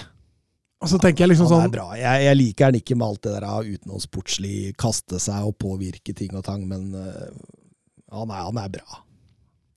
Han er skikkelig bra. Altså, jeg, jeg tror PSG uten Bappe at, altså, spiller, spiller bedre fotball enn eh, Real Eller Bappe, Mbappe går glipp av PSG. Betydninga Betydningen er ikke like stor som Vinicius i Real Madrid. Mm. Mm. Da får du den sentrale, da. Å, herregud. Er, jo- altså, det Det er jo uh... Skal vi ha én dyp og én offensiv? Ja, det er det, det, det, ha det, det jeg har gått for. Det er det jeg har gått for. Jeg har gått for én dyp og en offensiv. Uh, kan jo starte med den dype. Da er det jo mange gode spillere å ta. Uh, Kommer han fra Bayern, han du landa på? Nei. Nei uh, Casemiro Kimmich har hatt noen svake perioder i år. Ja, så har Uh, han vært litt skada. Eh, han, altså, han, han er med i den potten der, definitivt. Akkurat som Fabinho. Han har hatt noen svake perioder, men Fabinho må nevnes i potten. Uh, Casemiro er jo en sterk kandidat, men den dype jeg lander på, det er Rodri i eh, Manchester City, som har prestert meget solid og på meget høyt nivå stort sett gjennom hele året. Ja, enig. Hvis vi skal ha en dyp en, så bør det bli Ja. Rodri. Det er udiskutabelt i så fall, det. Ja. Eh, Den andre? ja, nå er det morsomt, altså. da, da, er det, da er det så mye. Uh, Jude Bellingham kan faktisk inn i diskusjonen. Han har vært enorm i Dortmund, Uh, hvis vi ser Jeg hovedsakelig syns han bør være helt klart på pallen, egentlig. Ja. Han Mm. har jo vært fantastisk. Jeg syns han bør være i laget. Ja, det, Jeg jeg, jeg også tenkte Jeg turte ikke å være så bastant, men ja. uh, Vi jeg også. Vi går godt, han, altså, jeg, jeg endte opp på det brune, med har hatt en litt svakere Voi. Eh, så jeg kan fint leve med som med Mhm. Nei, nei, altså nei, litt, litt, litt omvendt for de høsten til det brune har jo vært strålende. Ja. Uh, men men jeg, jeg syns jo Bellingham må mye altså, Han har vært god gjennom hele året. Han Ja. spiller aldri en dårlig kamp, og det er som Mats sa, uh, han kan alt. kan, jeg må, må jo også nevne Luka Modric. Evighetsmaskinen i Real Madrid. Herregud, for altså, han, han, han slutter ikke å imponere, han heller, altså. Nei, jeg hadde som utfordrer, egentlig de nærmeste utfordrere til, eh, til uh, Rodry, så hadde jeg Party og, og Kimmich Uh, og, og, og Casemiro. På andre sida så er det jo De Brøne, Pedri, Bellingham og Musiala, uh, som kanskje er de nærmeste. Gimaresh og har jo vært veldig god i Newcastle etter at han kom, så han kan jo nevnes. Eh, Barella har vært bra, bra i Inter, men nei, jeg er enig med deg, Thomas. Jeg vil ha inn Bellingham, egentlig. Bellingham Rodri, det er jo en ålreit midtbane. Fin, den, altså. Da får Mats eh, spise av, da. Ja, da var vi enige om at Mbappe har allerede den ene plassen, da. Så da, da er det å finne den andre. Eh, Jeg også hadde Leao som spiss, jeg da, tok opp han der. Eh, Kane bør jo definitivt eh, nevnes. Han er helt der oppe sammen med Benzema, Lewandowski og Haaland. fullkrygg Fullkrug òg. Men da har vi, da, da har vi kunnet halvt år. Han Nei, spilte ja, jeg veit det, men, men det er verdt å nevne. Syns du du ser navnet hans inn i dette laget? Altså, Moani òg. Kan, jo- kan jo nevne Oshimen òg, som har vært fantastisk ja, etter sommeren. Det er, det er mange å velge imellom her, og jeg er med jeg, men jeg sliter altså med å finne bare Hvem han skal det ja, være? fordi det, det, det jeg sliter litt med deg Messi og Neymar Ja. har vi jo ikke nevnt, ikke sant? det, det jeg sliter litt med deg Uh, Jeg syns plassen står mellom Lewandowski, Haaland og Benzema. Uh, og det jeg sliter med, er Haaland. Uh, har vært skada og litt svakere før sommeren. Har vært helt ekstrem siden sommeren. Benzema har vært helt ekstrem før sommeren. Har vært skada og litt svakere siden sommeren. Eh, Lewandowski har prestert jevnt og trutt, men ikke, har ikke hatt det samme toppnivået som de to andre. Og det syns jeg det er så vanskelig å bedømme. Hva Åh, tenk en Bappe Haaland på topp av Dupker. ja, det er De sweet, løper jo fra alle! det, blir, det blir sweet, det, altså. Altså, Jeg kan fint stå inne for Haaland på det laget der. Det kan jeg jo. Tenk deg Haaland og Mbappe på topp sammen. I en 4-4-2. Slitsomt er ikke det å forholde seg til. Er vi enige om Haaland og Mbappe, da? Ja, jeg kan gå for det. Da er laget som følger Thibaut Courtois i, eh, som keeper. Cancelo Robertson eh, backer. Marquinhos og Saliba stopper. stoppere heter det. Nkunko høyre, Venitius junior venstre, Jude Bellingham og Rodri sentralt i banen, mens Mbappe og Haaland skal løpe fra alle stoppere i verden på topp. Det blir veldig monotont. da. Det er bare å falle av så fort du ikke har press på ballfører. da. Du veit ballen kommer opp bak deg der. Men det, var, det, det, det, det er et lag det skulle vært vanskelig å slå. Ja, det er et sterkt, sterkt lag. Offensivt sterkt lag òg. Altså, bare Venitius og Nkunko på hver kant, med Haaland Ja, altså og- Rodry blir sliten, det kan jeg love deg. den kampen. Han skal dekke mye rom. ass. Ja, han skal det, fordi Bellingham kommer i, i andre bølge der òg. Ja, men det var bra. Det var bra, det er fint lag. Um, Finn Jørgen Halvorsen, kjør en liste, da vel! De ti beste spillere under 20 år, altså tenåringene, Men han. da er det spillere født 2003. Jeg har, jeg har gått inn Altså de som, jeg tenker de som er tenåringer. De som per dags dato er under 20 år gamle. De er, de er ja, altså de som fyller år.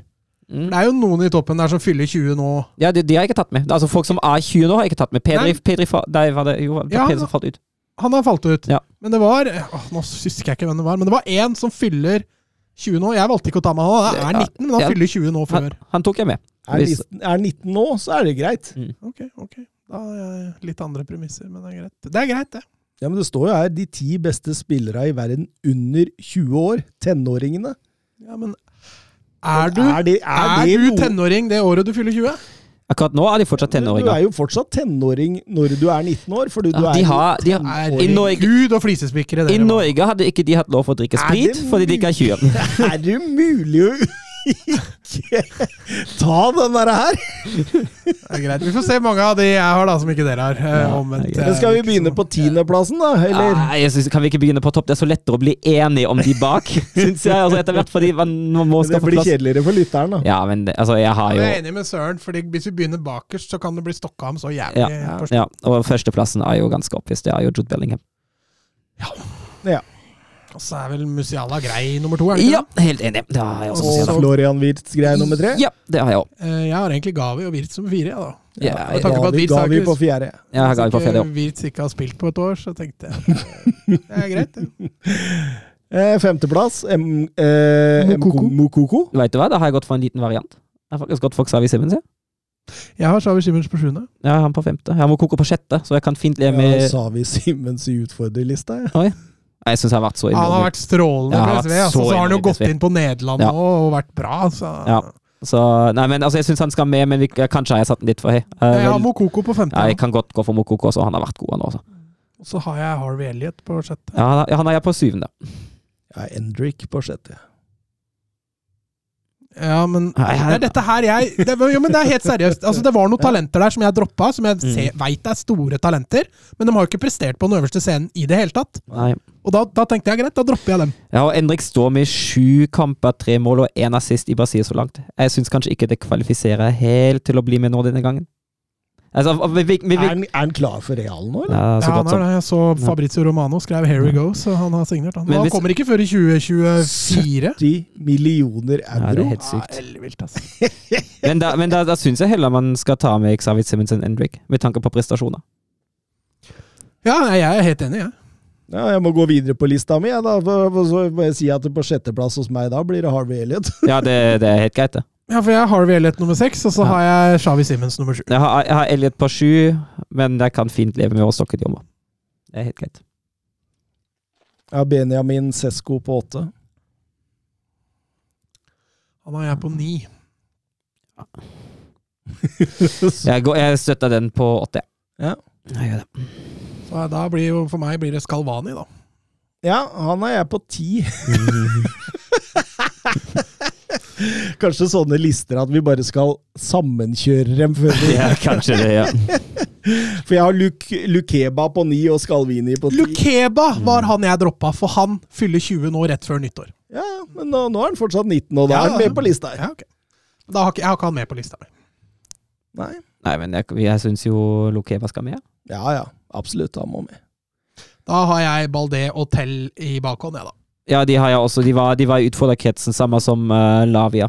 Mm. Ja, Lavia. Fader, han hadde jeg jo inne. Hva skjedde der? Jo, jeg er har, sikkert 20 før nyttår. Nei, da ble det boble. Nei, han er 18, han. Ja, men Den er grei, men da har vi jo en liste, da, så håper jeg lytterne våre klarte å henge med. de gjorde det så vidt, jeg, men uh, de fem første var ganske greie, da. Ja. Bellingham, Musiala, Wirtz, Gavi og Mokoko. Det er fair, det. Mye Bundesliga der. Ja, men det er jo talenta da. Naturlig, det med den Altså, statusen Bundesliga har Mm. også. Um, Geir Halvor Kleiva. Lag en topp fem-liste over de beste angrepstrioene i klubbfotballen denne høsten. Ja, da er, jo, da er det jo igjen definisjonsspørsmål. Hvordan definerer man angrepstrio? Hvem skal inn, hvem skal ut? Det er jo to lag som skiller seg ut på toppen her, og det er PSG og Napoli. Er begge angrepstrioer virkelig har jeg, ja. syns du kan ta med Arsenal sin òg, jeg. Ja, for så vidt, ja. Eh, Så har du tre av fem, i hvert Ja. fall. For dem har vært, altså Det som er slitsomt her, er at det varierer så mye. Altså Hvis Mm. du tar Barcelona og Real Madrid, så Benzema har vært mye inn og ut av laget. Eh, Barcelona varierer jo begge kanta sine nesten fra kamp til kamp. Jeg føler liksom de ikke er helt med. Og City òg varierer jo mye. Haaland har vært litt inn og ut. Foden har vært litt inn og ut. Vanskelig å definere en bestemt trio på, på topp. Men eh, Foden, Haaland, De Brøne eller Bernardo Silva, Ja, Men det er Ja. klasse, det. den, den, er, den er med. den den med. skulle jo være klink, den. Ja. Ja, han er med på det. Og så kan jo Bayern kan jo inn i den miksen også, selv om de har variert en del, i år. Men... Se på Moting, liksom. Ja, han- han har jo faktisk vært klasse! Jo, jo, men, jo, jo, jeg er enig i at han har vært bra, men Chopo Moting, liksom. Er helt sykt, men han, han, etter at han kom inn som klar definert spiss, har han jo vært så- enorm, altså! Skal du ha med Chopo Moting på den lista her? Jeg bare sier han skal inn i miksen. Jeg sier ikke at de må Eller de skal inn i miksen, jeg sier ikke at de må med på topp fem-lista, altså, men eh, For, for meg så er det jo PSG, City, Arsenal, Barcelona og og Napoli, som jeg syns har vært Hvem er det du har satt opp i Barca? Lewandowski, Torres og Dembélé. Torres? Ja, Ferran Torres er bra. Jeg syns ikke han har vært så bra i Barca. Ja, han har ikke vært noe god på Spania heller. Nei, men han Altså, Ansu Fati har jo ikke spilt så voldsomt mye. Nei, og Rafinha har ikke vært god. Nei, Men det så- syns jeg ikke Torres har vært heller, egentlig. Nei da, men likevel, da. De, de, de er jo, de, det er jo Når Barcelona spiller angrepsfotball, så er det gøy å se på. Ja, ja. Og det, det, det er meget, meget bra. Så jeg, jeg syns liksom de må på den topp fem. Mm. De har kvalitetene, i hvert fall. Det er det ingen tvil om. Og så, og, og så er det Hadde man tatt hele 2022, så syns jeg Tottenham kunne vært der, Real Madrid Madrid, kunne vært der, kanskje Liverpool. Men, men det har kladda litt for disse tre Ja. laga, liksom offensivt. Per, per dags dato kan jeg vel ikke si at de er helt der, der oppe. Nei, Det er litt sånn sjiktet bak. Litt i sjiktet bak, jeg er helt enig. Så, så, så, så det er de fem laga for meg, i hvert fall. Nei da, jeg kan stå bak det. Jeg kan bli med på det. Jonathan Hobber. Rapportene sier at Real Madrid har begynt å fokusere på Benzema-erstatteren. Hvem bør det bli? Må de ha en lignende spillertype? Eller kan de se på andre typer niere? Jeg føler jo å få en spillertype som er veldig lignende Benzema, blir vanskelig. For han har en sånn veldig særegen spissstil som Ja, altså, eh, Erfaringa han har ja. nå, det er ikke bare å dra ut og hente det, vet du. Uh, så han vandrer jo så voldsomt mye, uh, og bidrar så mye i spillet, så det, det blir jo vanskelig å få den pakka. Uh, det måtte i så fall nesten bli en Harry uh, tenker jeg. Eh, men jeg, jeg tenker jo at det er andre spisser som kan gjøre en god jobb i Real Madrid. Eh, i, uh, I et Ancelotti-system kan jeg veldig fint se for meg f.eks. en Victor Oshimen på topp der som har, som, som er som har en form for fysikk, teknikk, fart og avsluttende ferdigheter. Eh, Han har vi vel annonsert som erstatter til Real Madrid før, har ikke? Mm. Jeg mener du husker vi har pratet ja, jeg tror vi har snakket om det før, ja. ja. Ja, jeg er helt enig med deg. Oshimen virker for meg som et naturlig valg. Blir jo selvfølgelig dyr å hente ut fra Napoli, men allikevel, han er, virker å være den neste store nieren. Da. Eh, så det var dumt å si kanskje når du har Haaland og Mbappé og lignende, men eh, jeg tror han eh, blir i hvert fall langt billigere å kjøpe enn f.eks. Mbappé og Haaland. Men, men hvis de går for Mbappé, vil det i så fall være nieren deres da? Det vil jo bli det, for ja, ja, du kan jo bruke den på høyrekant, da, men han er jo ikke like god der. Så jeg, hvis, de, hvis de ender opp med å gå for Mbappe, så må det jo bli som nummer ni. For du da sitter du med Venitius og Mbappe da, på venstrekant. Det er jo tidenes luksusproblem. Jeg tror ikke vi har hatt en lignende situasjon med et så stort luksusproblem før, faktisk. Nei, du har, du har et poeng. Nei, men eh, enig, enig med dere. Um, Fredrik Konradsen. KMC. Kroos, Modric og Casemiro er en av fotballens mest legendariske trioer. Shuameni Chouameni virker å ha tatt sekserrollen. Eh, Hvilke to andre åttere bør de eh, hente for fremtiden for å skape en legendarisk ny trio? Eller har man dem allerede i stallen? Ja, jeg tror nok de kommer til å fortsette å satse Kamavinga, det er jeg ganske sikker på. Og så får vi se. Det er klart, det er jo to store indreløpere som ikke spiller i Barcelona med store framtid, som bør være Real Madrid-materiale. Den ene er jo selvfølgelig Musiala, men han blir jo ikke billig å hente. Den andre er Bellingham. Eh, Så hvis man hadde greid å stable en midtbane med, med Chouameni, Kamavinga og Bellingham, så høres det ut som krutt, altså. Er det nok kreativitet i en sånn midtbane? Ja, altså, jeg føler jo altså, Hvem tar Modric-rollen? Ja, det, det er litt det, da. At uh, det er kanskje en som må inn i den nå. Musiala hadde jo vært helt enorm, men det kan jeg ikke helt se skje med det første. Uh, du har jo annonsert en uh, Real Madrid-kandidat, har ikke du, Thomas? En midtbanespiller. Jeg, jeg, jeg annonserer så mye. Hvem er det du tenker på nå? Enzo Fernandes. Ja, tenker, tenker på en Argentina. Ja, ja, ja. Eh, likevel, om han, han- hadde vært noe i den åtteren Jeg, jeg tenker jo mer han som en sekser Ja. i, i en trio. Men eh, Tromeni kan jo i verste fall spille sjuer eller åtter. da. han kan jo det, han kan jo det. Så det, blir ikke noe bedre kreativt fra indreløperen for det. Nei, og som du sier, Søren, det er helt riktig. det. Jeg sa vel også at han kom til å gå til Real om, om et par år, så det Da må Chouameni Men opp altså- åtteren. En annen som jeg kan fint tenke meg, som faktisk kan stå for litt kreativitet og utfylle den Modric-rollen som er en forholdsvis lik spillertype, er jo Barella. Mm. Han, eh, kunne jo, han var jo bare 25 han nå, så han kan man ha stor glede av i 7, 8, 9 år til. Også. Barella er vel mer en klassisk indreløpertype, er? Ja, men altså, Jeg føler at han er forholdsvis lik, eh, lik Modric. da. Han har jo en viss kreativitet i pasningsspillet sitt, i hvert fall.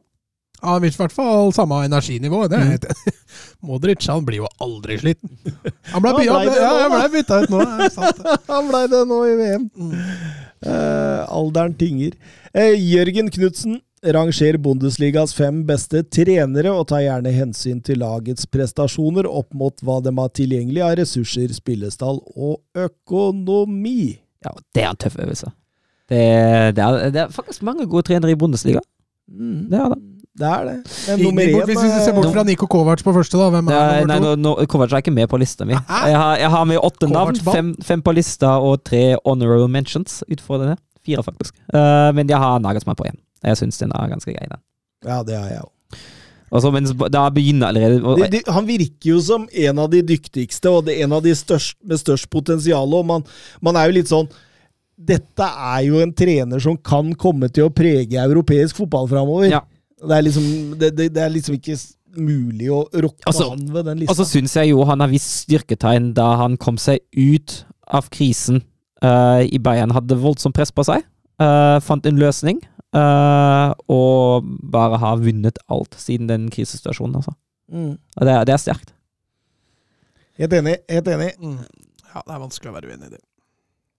Nummer eh, to, da? Ja, da begynner jo allerede, da begynner jeg allerede å ikke bli enig med meg sjøl, men det er for meg egentlig Os Fischer, hvis vi snakker ressurser. Uh, det han har gjort med Altså, jeg er ikke så glad i den spillestilen. Det er en veldig simpel og enkel spillestil. Men du må jo se litt bort fra det, da. For Ja. Du må jo se resultat, Og prestasjon du- og, Og hvis du ser hva han har gjort med det Union Berlin-laget Det har vært en eneste opptur siden han har tatt over. Uh, han har ledet dem til et nivå som ingen kunne ha sett for seg, verken i eller utenom knuppen. Eh, kunne sett for seg at de kunne være i løpet av såpass kort tid, i hvert fall. Union Berlin har aldri spilt Bundesliga uten Ols Fischer på sidelinja. Og det, det, det sier Og- mye. Og det han er jo så enorm på, det er jo å, å virkelig finne ekstremt gode innganger og ekstremt gode mottrekk på det som gjør motstanderlaget godt. Det er jo det som er det, det, det, På det området er han helt enorm. Og det han sliter litt på, det er med lag som møter han lavt. Yes, det, og hvis, hvis, uh, hvis Union leder 1-0, så blir det fryktelig tøft å møte dem. Men eh, hvis de ligger under 1-0, så kan det bli fryktelig tøft for dem. Men jeg har, jeg har han på andre også. Ja, det hadde jeg òg. Men det er jo Christian Streich på tre, da? ja, det er det. Det er han. Kommer ikke utenom det, da. nei, det han har levert i Freiburg, er enorm. Mister eh, Freiburg og, og, og, og hakket mer eh, ressurser, men også hakket mer offensiv fotball. Ja, enig. Det er en litt mer underholdende spillestil Men så, Freiburg. så er jeg mer spent. Oliver Glasner. Ja, jeg, er der. Ja, Jeg er der. Uh, han, har vært, han, han bruker litt tid til å komme i gang. Uh, til, uh, det var jo ikke knirkefritt i starten i Wolfsburg heller. Det var ikke knirkefritt i starten i Frankfurt. Bundesliga-sesongen i forrige sesong i Frankfurt var egentlig en skuffelse, men ble overskygget av den enorme prestasjonen i Europa da han vant Europa League. Denne sesongen har stort sett vært bra, og han viser jo, han viser jo gang på gang at han er en lagbygger. Han er en, han er en person som bygger dette her stein på stein, og lagene blir jo kontinuerlig bedre. Ja, jeg er helt enig. Ja, ja. ja, ja. Jeg er der, jeg òg. Så hvis det Søren nå treffer eh, det samme som meg på den siste, da, så har vi hatt de fem samme Ja. i, i samme rekkefølge, så det Ja. blir veldig spent her nå. Ja, hvem det, det er det, men da, da, vet du hva, da har jeg fem navn til utvalg. Skal jeg si navnene som er til utvalg? Ja, gjør det, så skal vi se om min er Ja. der. Eh, Jeg har Steffen Baumgart, Bård Svensson, Marco Rose, Ole Werner og Thomas Reis. De Da, da kan jeg si det at han er der. Ja, han er der. Jeg går for Bo Svensson. Ja! Da har vi Søren, high five! Ja, nice. Hei, vi har ikke snakka sammen da. Akkurat lik liste. Det er kult. Det er kult, det er kult, Søren. Ja. Jeg er helt enig.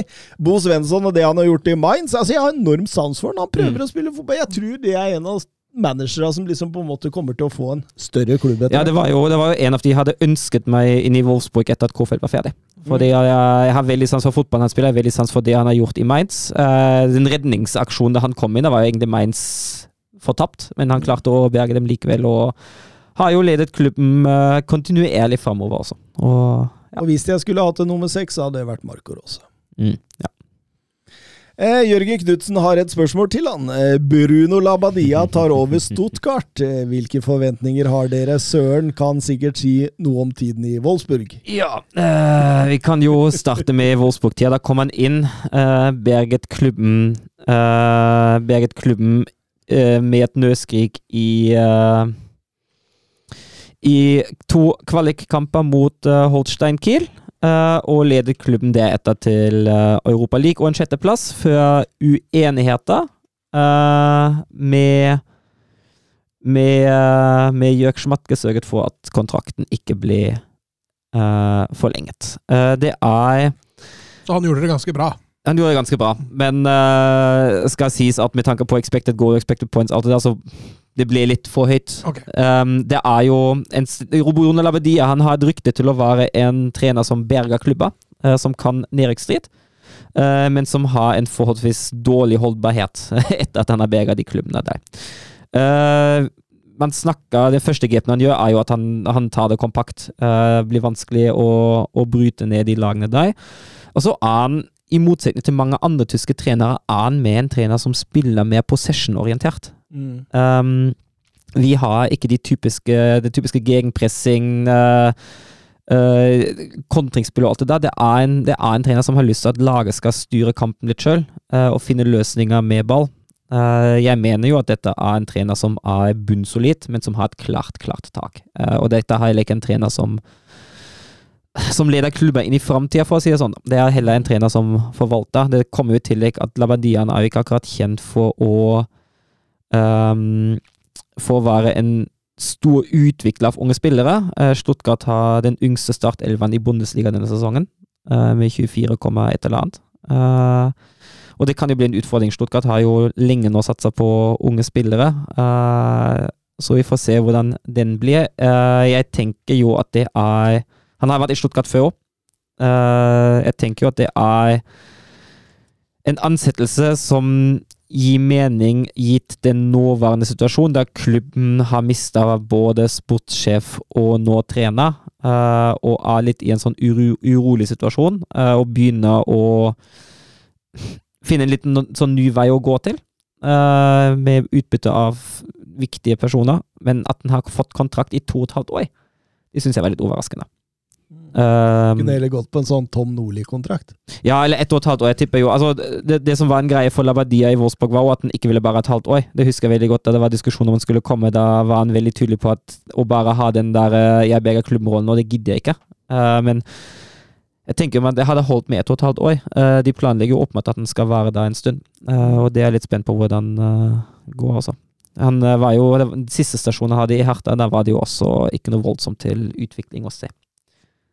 Nei, det kan du si. Det kan du si. Så, det snakka ja. vi litt om i forrige ja. episode. Ja, som sagt, jeg tenker en bunnsolid, en bunnsolid trener. Uh, kan nedrykksstri, kan fort lede Stuttgart til trykkplass, men jeg tviler på at det er han som utvikler dette her voldsomt videre. Mm. Godt svart, Døfker. Eh, Torjus Hansen. Renn har blitt en utviklingsklubb. Både ved å hente unge talenter og utvikle dem gjennom eget akademi. En fantastisk bra drevet klubb. Snakk gjerne rundt dette. Ja, og det har jo, det har jo faktisk sine røtter ganske langt bak. Uh, det som var jo en liten sånn Altså, Renn er en klubb som har blitt klok av skade. Uh, i, i, 1998 kom jo Francois Pinot uh, inn i klubben og pumpa inn masse penger. Og så uh, endret man det fullstendig i 2002. Det var vel uh, noen flopper som kom inn der, særlig en brasiliansk spiss som ble kalt for den nye Ronaldo, kom for nå 21 millioner euro og skal seks mål på 72 kamper eller noe sånt. Men var det da han der uh, Edmond Herv kom inn? Og, og, og, på en måte revitaliserte hele akademiet? Jeg tror det var litt grann Var det da allerede? Jeg, jeg, jeg, lurer på litt, for Han kom jo inn og så sa han det at det er viktigere å treffe med gode trenere på akademiet enn på A-laget for en klubb som renner på lang sikt, sa han jo.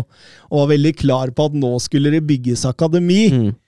Og det ligger jo mye klokt i akkurat de ordene han sier der, for en sånn type som renn. Så er det jo viktig å kunne eh, på en måte Altså, det har jo blitt kalt et av Frankrikes beste akademier, og det er jo ikke noe Altså, spillere som kommer uh, derfra. Altså, det, altså fra, fra gammelt av så har du Viltor og Silvestre var vel der, og, og, og Gorkov og Emila. Og, I nyere tid Dembélé.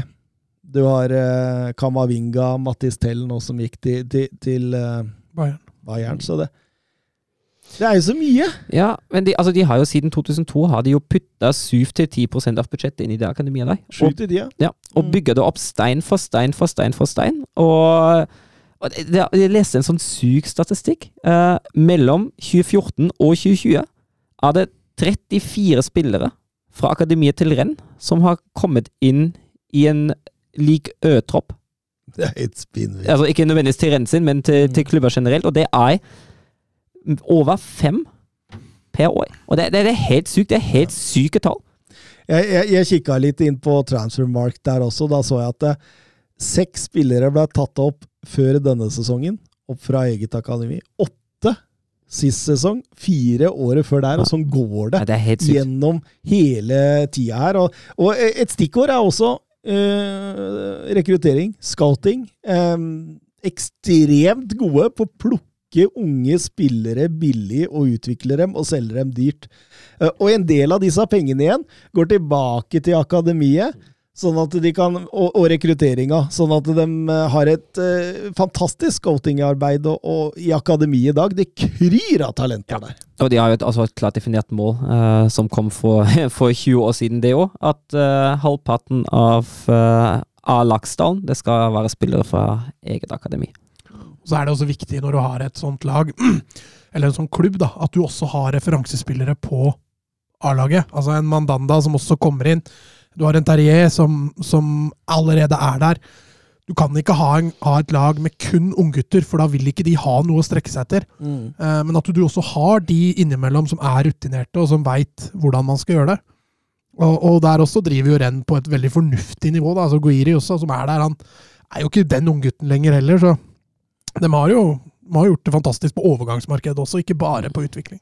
Men du ser, de kjøper veldig sjelden spillere over sånn eh, 24-25 år. Mm. Det er, det er veldig sjeldent. Eh, Veldig ofte så ligger de altså de eldste Ja, ja, men, men, men uh, ingen regel uten unntak. Men, Jeg hadde glemt å si Birger Meling, skjønner du. på den. men, de, men de ligger veldig ofte Hvis de skal bruke litt penger, så er det enten ofte sånn stort talent på 18-19 år, en Doku, en Sulema, en noe sånt noe. Eller så er det eh, litt mer etablert, men fortsatt under god, kan utvikle godt, sånn som Martin Terje, som de gjorde med han når de henta han. Ja, Videresalgsbiten er Ja. Mm. alt, altså Mandanda er kanskje et dårlig eksempel på det, men det at man alltid henter spillere man tror man kan selge videre dyrere, da. Mm. Ja, absolutt. Og det, det tenker man har gjort med Terrier og med Lover og Meyer og, og, og Benjamin Bourgeot. Og, og ja, Edvard Mendy er jo et kjempegodt eksempel, som de omtrent henta gratis og solgte videre til Chelsea. Så. Det er en voldsomt imponerende klubb, en voldsomt spennende klubb, og de drifter det her, her voldsomt bra. Det kommer aldri til å kunne slåss med Paris Saint-Germain. Ikke, Ikke med, mid- før, eh, ikke med midlene de har nå, i hvert fall. Og ikke, de kan ikke klare det heller, så lenge de hele tiden selger talenter. Mm. Det er den dagen hvor de greier å holde talentene et par år ekstra, hvor de kan begynne å utfordre. Ja, absolutt. Absolutt. Mener også at uh, Bakayoko også kom derfra, før han gikk til, til Monaco. Så det er, det, er, det, er, det er strålende akademi. Veldig, veldig morsomt. Ehm, videre, uh, Steffen Hansen. Men hadde ikke, hadde ikke Jørgen Knutsen et spørsmål til? Da har jeg gått glipp av Jeg det. tror om Schalke hadde han et spørsmål til, vet du. Det tror jeg kom i dag. Hadde han ikke et spørsmål òg? Hvem som eh, hva- Hvilken gløgg smaker best? Jo, det òg, faktisk. det var to flere spørsmål sant? jeg, jeg, jeg tenkte det er greit å hoppe over det, for da har ikke jeg noe godt svar allikevel. Nei, jeg er ikke, en stor gløggdrikker. Jeg, eh, når jeg er på fotballkamp i Tyskland, drikker jeg øl. Ja, Du drikker ikke gløgg Får man kjøpt gløgg på fotballkamp i Tyskland? Ja, de får, får den i juletida. Får Ja, det. Ja, ikke året rundt, liksom. Jeg har ikke fått med meg det spørsmålet, jeg, så det får, eh, det får uh, Søren ta. Ja. Skal jeg svare på gløggspørsmålet gløggspørsmål? Føler jeg har svart på det. Altså, jeg, jeg, han spør hvilken, eh, hvilken Bundesliga-klubb serverer egentlig den beste gløggen, glyvein, og det har jeg faktisk aldri svart på stadion. Uh, jeg har jo noen favoritter på øl, og det er jo Freiburg med Rothaus, uh, Union Berlin med Berliner Pilsner og Bayern med Paulana. Det er mine tre ølfavoritter på den fronten. Men uh, Jørgen Knutsen spør kapteinskrisen i Schalke 04. Uh, det er jo, ba er jo bare nok et eksempel på klubbens mangel på stabilitet og god planlegging. 16 forskjellige lagkapteiner siden Benedikt Høvedes avgang sommeren 2017. Hva kan redde Schalke fra nedrykk denne sesongen, om noe i det hele tatt? Det var et mirakel, da.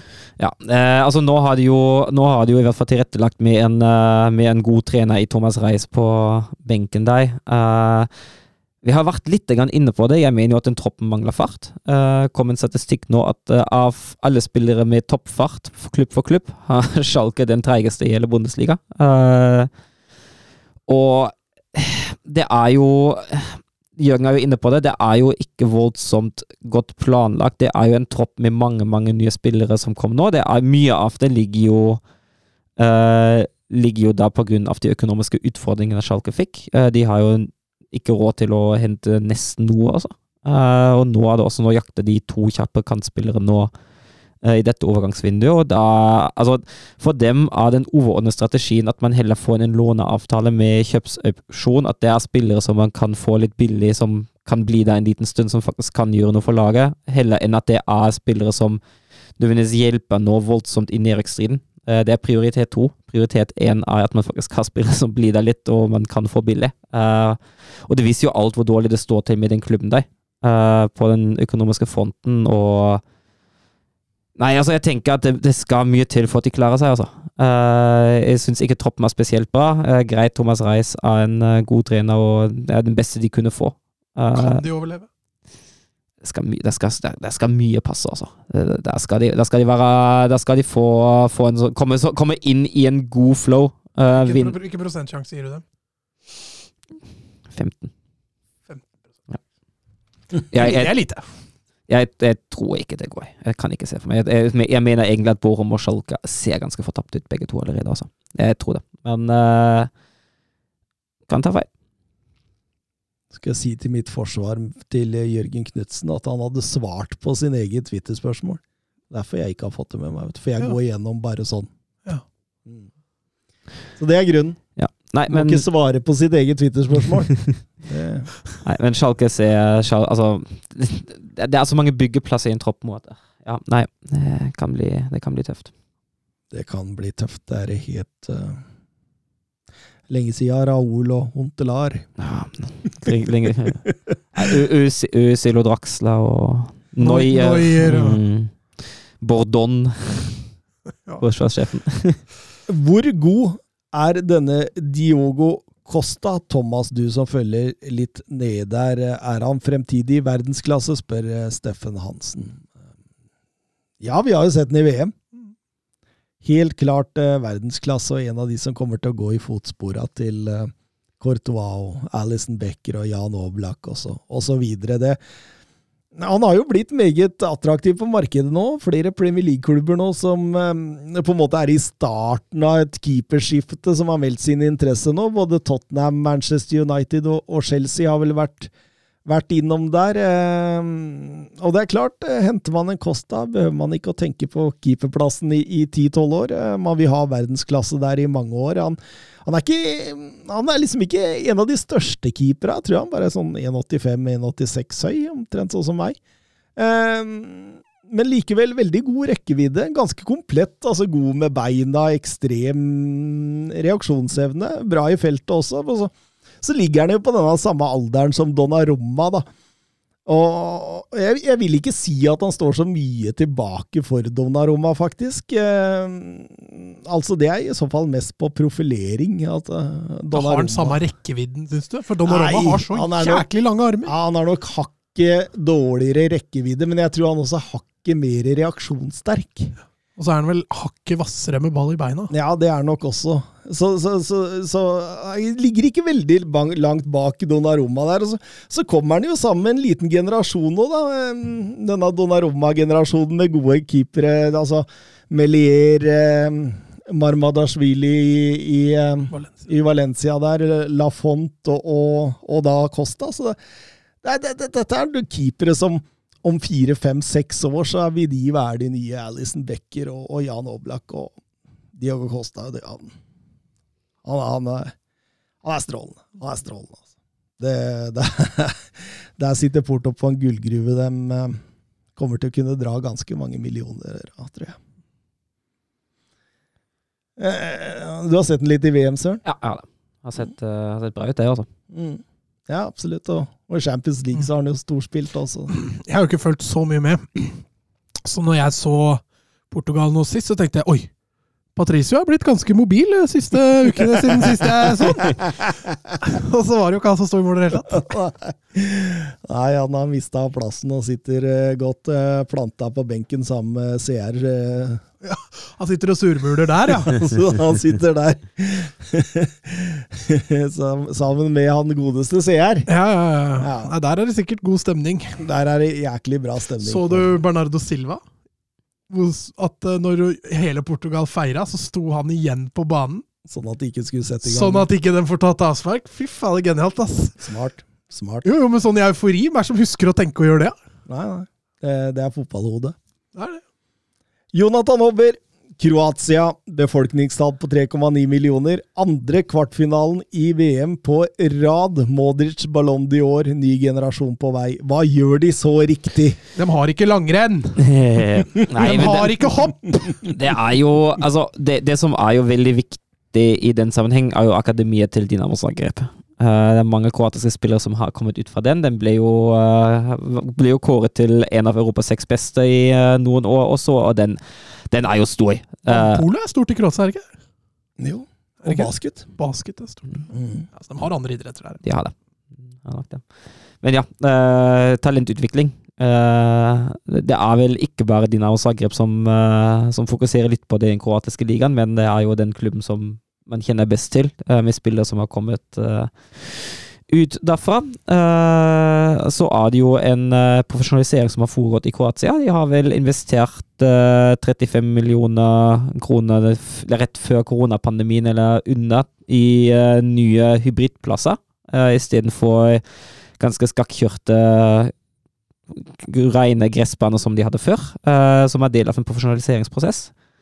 Eh, og det ligger jo mye i når du, når du skaper gode rammebetingelser, uh, når du skaper en profesjonalitet for talenter, uh, for utvikling av talenter, og har det på plass, da er det lettere å lykkes. Mm. Mm. Ja, ja, helt klart. Spesielt de største klubbene der. Hajuk Split, Dinamo, som du sier, ja. Opererer jo ganske likt som Renn. Ah, vi var inne på det med Renn, at eh, de, de er jo en selgende klubb, noe de ønsker å være, og de, de produserer spillere hele veien. Akademiet er veldig, veldig systematisk, eh, hvor det fokuseres på at man ikke bare skal lage fotballspillere, men man skal lage personligheter gjennom både skole, mental helse, eh, ansvar. Ja, de ser det store bildet ved det. da, De bygger personligheter ved det. Eh, veldig systematisk allerede fra U12, uh, syns jeg leste der. og når man går gradene, så, så, så gir man heller ikke spillere opp så veldig fort. altså Man skjønner at utvikling går i bølger, og de er veldig opptatt av det at de skal ikke hive ut spillere eh, hvis de har stagnert over, over et år eller to. Og Jeg, jeg mener jo på mange måter at eh, eliteserieklubber eh, bør dra ned dit og studere litt. Da. De bør ikke dra til Belgia hver eneste gang. altså det, Bare ut av Dinamo Zagreb så er det jo kommet altså Sjurluka, Modric, Guardiol, Kovacic, Kramaric, Meyer, Sosa, Vrsalko, Lovren altså det, det, det er bøtte på bøtte med store, store stjerner som kommer derfra. Så det, og, og jeg har jo snakka om eh, om den nye vinen også i, i Dinamo Zagreb her, så det Nei, det, det, det, det, det, det drives bra, Mats Granvold. Halilovic ble allerede store. ja, ja. Husker du han? Ja, jeg husker han. Husker han og Ødegaard gikk til hver sin storklubb i Spania og skulle krige om hvem som Ødegaard vant den til slutt, i hvert fall. Han vant den ganske greit. Eh, Ivan Perisic han kom fra Hijack Split. Mm. Mm. Sammen med Pasalic, og de, de produserer godt der òg, men det er jo Dynamo som er Og som du sier, den Akademiet blir jo nevnt i samme åndedrag som Ajax og Sporting og, og Dortmund og Arsenal, ikke sant? Mm. Så det, det, det, det er strålende. Eh, Jakub Baran Han har to spørsmål til oss. Den begynner med den første. Hvem blir årets Wonder Kid i Conference League? Jeg syns jo det er vanskelig å svare på. Jeg må jo innrømme så mye Conference League eh, ser jeg ikke. Eh, men jeg fant, eh, fant en som eh, jeg la litt merke til. Eh, Milos Kerkes, eh, 19 år. En offensiv venstreback for AZ, som så langt har prestert ett mål og tre assist i seks kamper for klubben. Jeg syns han har sett, sett bra ut. Og siden, med tanke på at uh, formuleringen spørsmål om Wonderkid, så har jeg da også utelukka spillere som er 20 eller eldre. Men er det um, Er det en egen pris som deles ut når sesongen er ferdig? Altså årets unge spiller? Jeg veit ikke. I Conference League, jeg veit ikke. Jeg tror ikke det. Ja, det er ikke jeg heller. Men eh, vi, vi kan jo kåre en her for det, vi. Gjør ikke noe, det. Nå skal jeg være den første til å innrømme at jeg ser ikke altfor mye Conference League før en kommer til semifinaler og finaler. Det er en del av den naturlige seleksjonen jeg må ta. Nå er jo som- Bodø-Glimt, så nå kan du følge med. Ja, nå kan du følge med litt. eh, eh, Så jeg er på dypt vann her. eh, Sier bare Alex Baena i Villarreal. Ja, han, har vært, han, har vært god, han har vært god i Conference League. Ja, ja, han er strålende. Men er ikke han par og 20? Eller? Jo, han er 21, tror jeg. Ja, nei, jeg følger heller ikke med på Conference League, så jeg må bare si at der kommer jeg, kom jeg til kort. Altså. Nummer to. Hvem er VM-oppdagelsen i deres mening? Altså, det, det, det har vært veldig få sånne store overraskelser. Man, man, man, altså, man har kanskje sett det internasjonale gjennombruddet til f.eks. Gakpo og, og McAllister, eh, men, men og, og, altså, selve den derre eh, At man blir oppdaga. Ja. ja. Altså, det, han, han som jeg kom på, som var det beste, er egentlig Andris Noppert. Uh, keeperen til Nederland. Ja. keeperen han, han har jo vært uh, veldig solid, og han spiller jo til daglig ikke akkurat i en uh, klubb der man skal si at man uh, for jeg for min del har full kontroll. Eh, men eh, ja, det, det er han som, som kommer nærmest for meg. Uh, Heerenveen-keeperen. Ja, men, eh, jeg satt og så gjennom stallene der, og det, det, er- nesten bare topp fem-ligaer, vet du. Mm. Ja, også, også, også, også sånne spillere som, uh, som Gakpo. Jeg føler vi har vært innom ham eh, en del ganger allerede. Liksom ikke noe oppdagelse, han. nei. Mm. Mm, så da får jeg bare si det jeg sa i starten av VM. Jeg, Felix Torres, stopperen til Ecuador der. Uh, spiller vel i Santos, tror jeg, i, i Brasil. Jeg tenker han kunne vært en spiller som eh, Eller en stopper som et lag som trenger litt fysikk, eh, kunne gått for. Men eh, nei Det har ikke vært mye oppdagelse. Jeg kjente de aller, aller fleste. Ja, og det er sånn, da må du gå på land, mindre land. ja, Og så kan du ikke gå på England eller Frankrike. Altså, du har jo hørt om alle der, liksom. Så du må jo ta en fra Så jeg syns svaret ditt virka fornuftig. Jeg har ikke sett så mange av de kampene, så jeg melder pass. Siste spørsmål for kvelden. Oi. Det er det vi rekker. Vebjørn Fredheim. Finnes det noen spillere i Eliteserien dere tenker kunne vært bra kjøp for topp fem-ligaen? Ja, det er jo noen. Uh, Ja, For topp fem liga, altså hele ligaen, ja. Ja, der har du jo noen. Altså Fofana var jo innom forrige episode allerede. Jeg tenker jo at han, ja. Selv om han kanskje ikke er den som går rett inn i Brighton, nå tenker jeg at han har et godt kjøp for en klubb i en topp fem-liga. Vetlesen snakka vi om. Vetlesen snakker vi om, jeg er helt enig. og Det er jo to i Lillestrøm og i Mats Hedenstad Christiansen og Igo Okbo som eh, absolutt kan hevde seg i en uh, topp fem-liga. Ja, På sikt i hvert fall. Sarawi eh, Ja. i Vålerenga, så har du Mannsverk i, Ja, og, og, i og, Molde. og Breivik òg. Emil Breivik, midtbanemakeren til Jeg syns også Eirik Haugan i Molde Ja. har vært bra i år. Disse Rosenborg-gutta, Tengstedt og Holse, eller hva de heter. Ja, de heter det, ja. Ja. ja. Nå har jo Tengstedt spilt i Eliteserien eh, bare et halvt år, da. Ja, han har vært bra, da. Ja, han har vært knallbra. Han har vel levert 19 målpoeng på 16 kamper, Ja, eller hva det er for noe, så han har jo vært ellevill. 21, 21 målpoeng på 14 kamper, faktisk. Ja, det var det jo. Var enda bedre. Haaland-tall og vel så det. Så han har vært eh, knall, knallbra. Eh, Og Holse òg har jo blitt en av primusmotorene på den midtbanen til Men han Tengstedt, hvor er de henta han fra? andre, eller nivå to i Danmark. Ja, han kom fra, han kom fra Horsens. Så det var et eh, god scouting og, og meget bra, bra kjøp. Altså det, det er ingen tvil om. Eh, Nei, noen flere enn det. Det er vel noen uh, Viking har jo falt helt igjennom, så der har jo Mm. alle spillere mista salgsverdien sin. Og Har vi Mol Sandefjord-spillere? Ja, Ofkir! Ofker, ja. Han har jo vært sterkt ønska i Viking, men de greide å tviholde på han, i hvert fall. Men det er, de, det er de dere nevner nå, da, som på en måte Jeg kommer ikke på noen flere, i hvert fall. Er det ikke noen flere i Bodø-Glimt, altså? Nei, altså, altså Pellegrin- har jo prøvd seg. Pellegrino driver jo og flørter litt nå. Han har jo ikke kontrakt neste år, så kan hende han forsvinner. ja, men det er ikke i en topp fem-liga, er jo 32. Nei, det så- kan godt hende han ikke går dit. Uh, Vetlesen Ja. Solbakken har jo gått. Mm. Er jo i Roma. Eh, Loda har jo prøvd seg. Ja.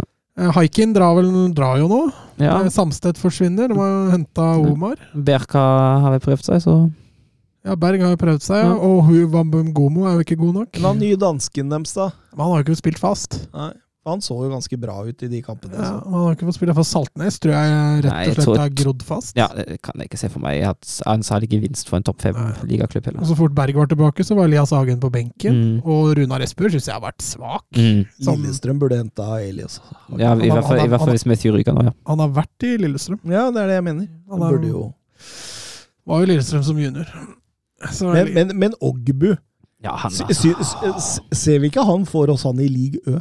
jo, han passer jo perfekt inn der som Ja, ja. ja, jeg tror han kunne fint klart seg i æresdivisjon. Ja, det er ikke det topp fem-ligaen, da, men eh, Han går bare ned, ja. Det, der kunne han i hvert fall. Færøysk liga, der er han veldig god. Men han altså, har herja i Luxembourg! nå har jo nå har ikke han hatt helt den samme høsten som han hadde våren heller, men sånn rent fot, Hvis du bare ser på rene fotballkvaliteter, har jeg aldri sett en uh, så god stopper i Lillestrøm noensinne før. altså. Men Acre Adams, da? Han er jo litt sånn Tere Moffi. Ja, han var jo veldig nære å forsvinne i sommer, og så kom den skaden, og da tror jeg ikke han forsvinner. Men han hadde skrevet en eller annen sånn rar uh, Instagram-melding i dag.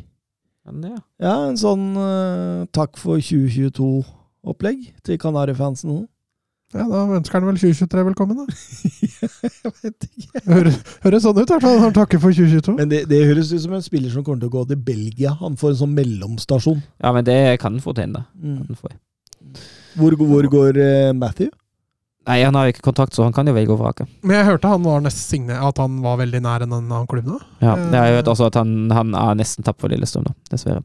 Mm. Han så, altså, jeg så jo Det blir, Da, jo, bygge, da- blir jo byggeplass på Åråsen. Ja, det blir det. Jeg, var, jeg tenkte jo det. Da, da spillerne ble takket av de som skulle ut, uh, ble takket av da man visste de som var ferdig med veldig stor sannsynlighet etter kampen nå, uh, så sto jo, sto jo Matthew helt på siden, og Aasen nærmest dytta ham fram at han også skulle få sin takk, og da skjønte jeg allerede hva som var i ære. Da tenkte jeg ok, da, hvis Aasen dytter ham fram på den måten nå, da veit han at det, det var det, liksom.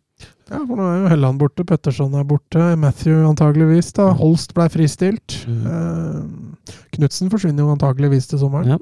Ja, det må, må inn en del nå, altså. Må ha noe, må ha noe på plass der, ja. Da forventa han Hagen fra, fra Glimt. Han så bra ut. Ja, men han blir ikke billig. Glimt selger enten gra helt gratis, ellers er det flere, flere titalls millioner. Men August Mikkelsen, hadde man fått tak i han? Han er klasse. Men han òg hørte jeg de skulle ha noen 10-15. Ja, ja. Mm. Men Lillestrøm var jo villig Mm. i sommer til å gi det. Altså, Og så ja. takka han nei. Han ville redde Mm. Tromsø. Mm. Men nå skal de plutselig ha 15 millioner for den, så nå veit jeg ikke hvorvidt Lillestrøm er med i den eh, kampen. Men Bodø-Glimt har jo penga, da, så den ender vel opp i Glimt, skal du se. Stakkars Tromsø. Ja, nei, skal vi, skal vi takke for oss? ja, under to timer. Å, det er deilig. Ja, vi klarer et kvarter til, klarer vi ikke det? Skal vi bare sitte her og, og skravle litt? Ja, det tror jeg blir dårlig podkast. Nei, altså, vi, klar, vi klarer oss temaløse, vi. Det, det tror jeg vi eh, Impro-podkast. Ja, det skulle vi alltids klart. Jeg så jeg hørte at uh, Matheus Cunha omtrent er klar for Wolverhampton. Ja, det er jo en spennende signering for Wolverhampton. Det kommer jo inn en spiller med noen ja, kvaliteter som kanskje ikke helt er på spissplassen der fra før. de, de har en sånn rød Diogo Costa som Ja. Og en Raúl Jiménez som snart er ferdig. ja, vært innom VM litt nå. Så, sånn litt i Mexico-drakta der. Han Ja, har så ikke vært helt seg sjøl etter den hodeskaden. det, det, det er bare trist. Nei, eh, vi, vi avslutter når vi kan, vi gutta. Ja. Når vi er under to timer, så må vi ta den muligheten. Ja, adjø. Ha det. Messi surging forward with real menace here. Brilliant from Messi.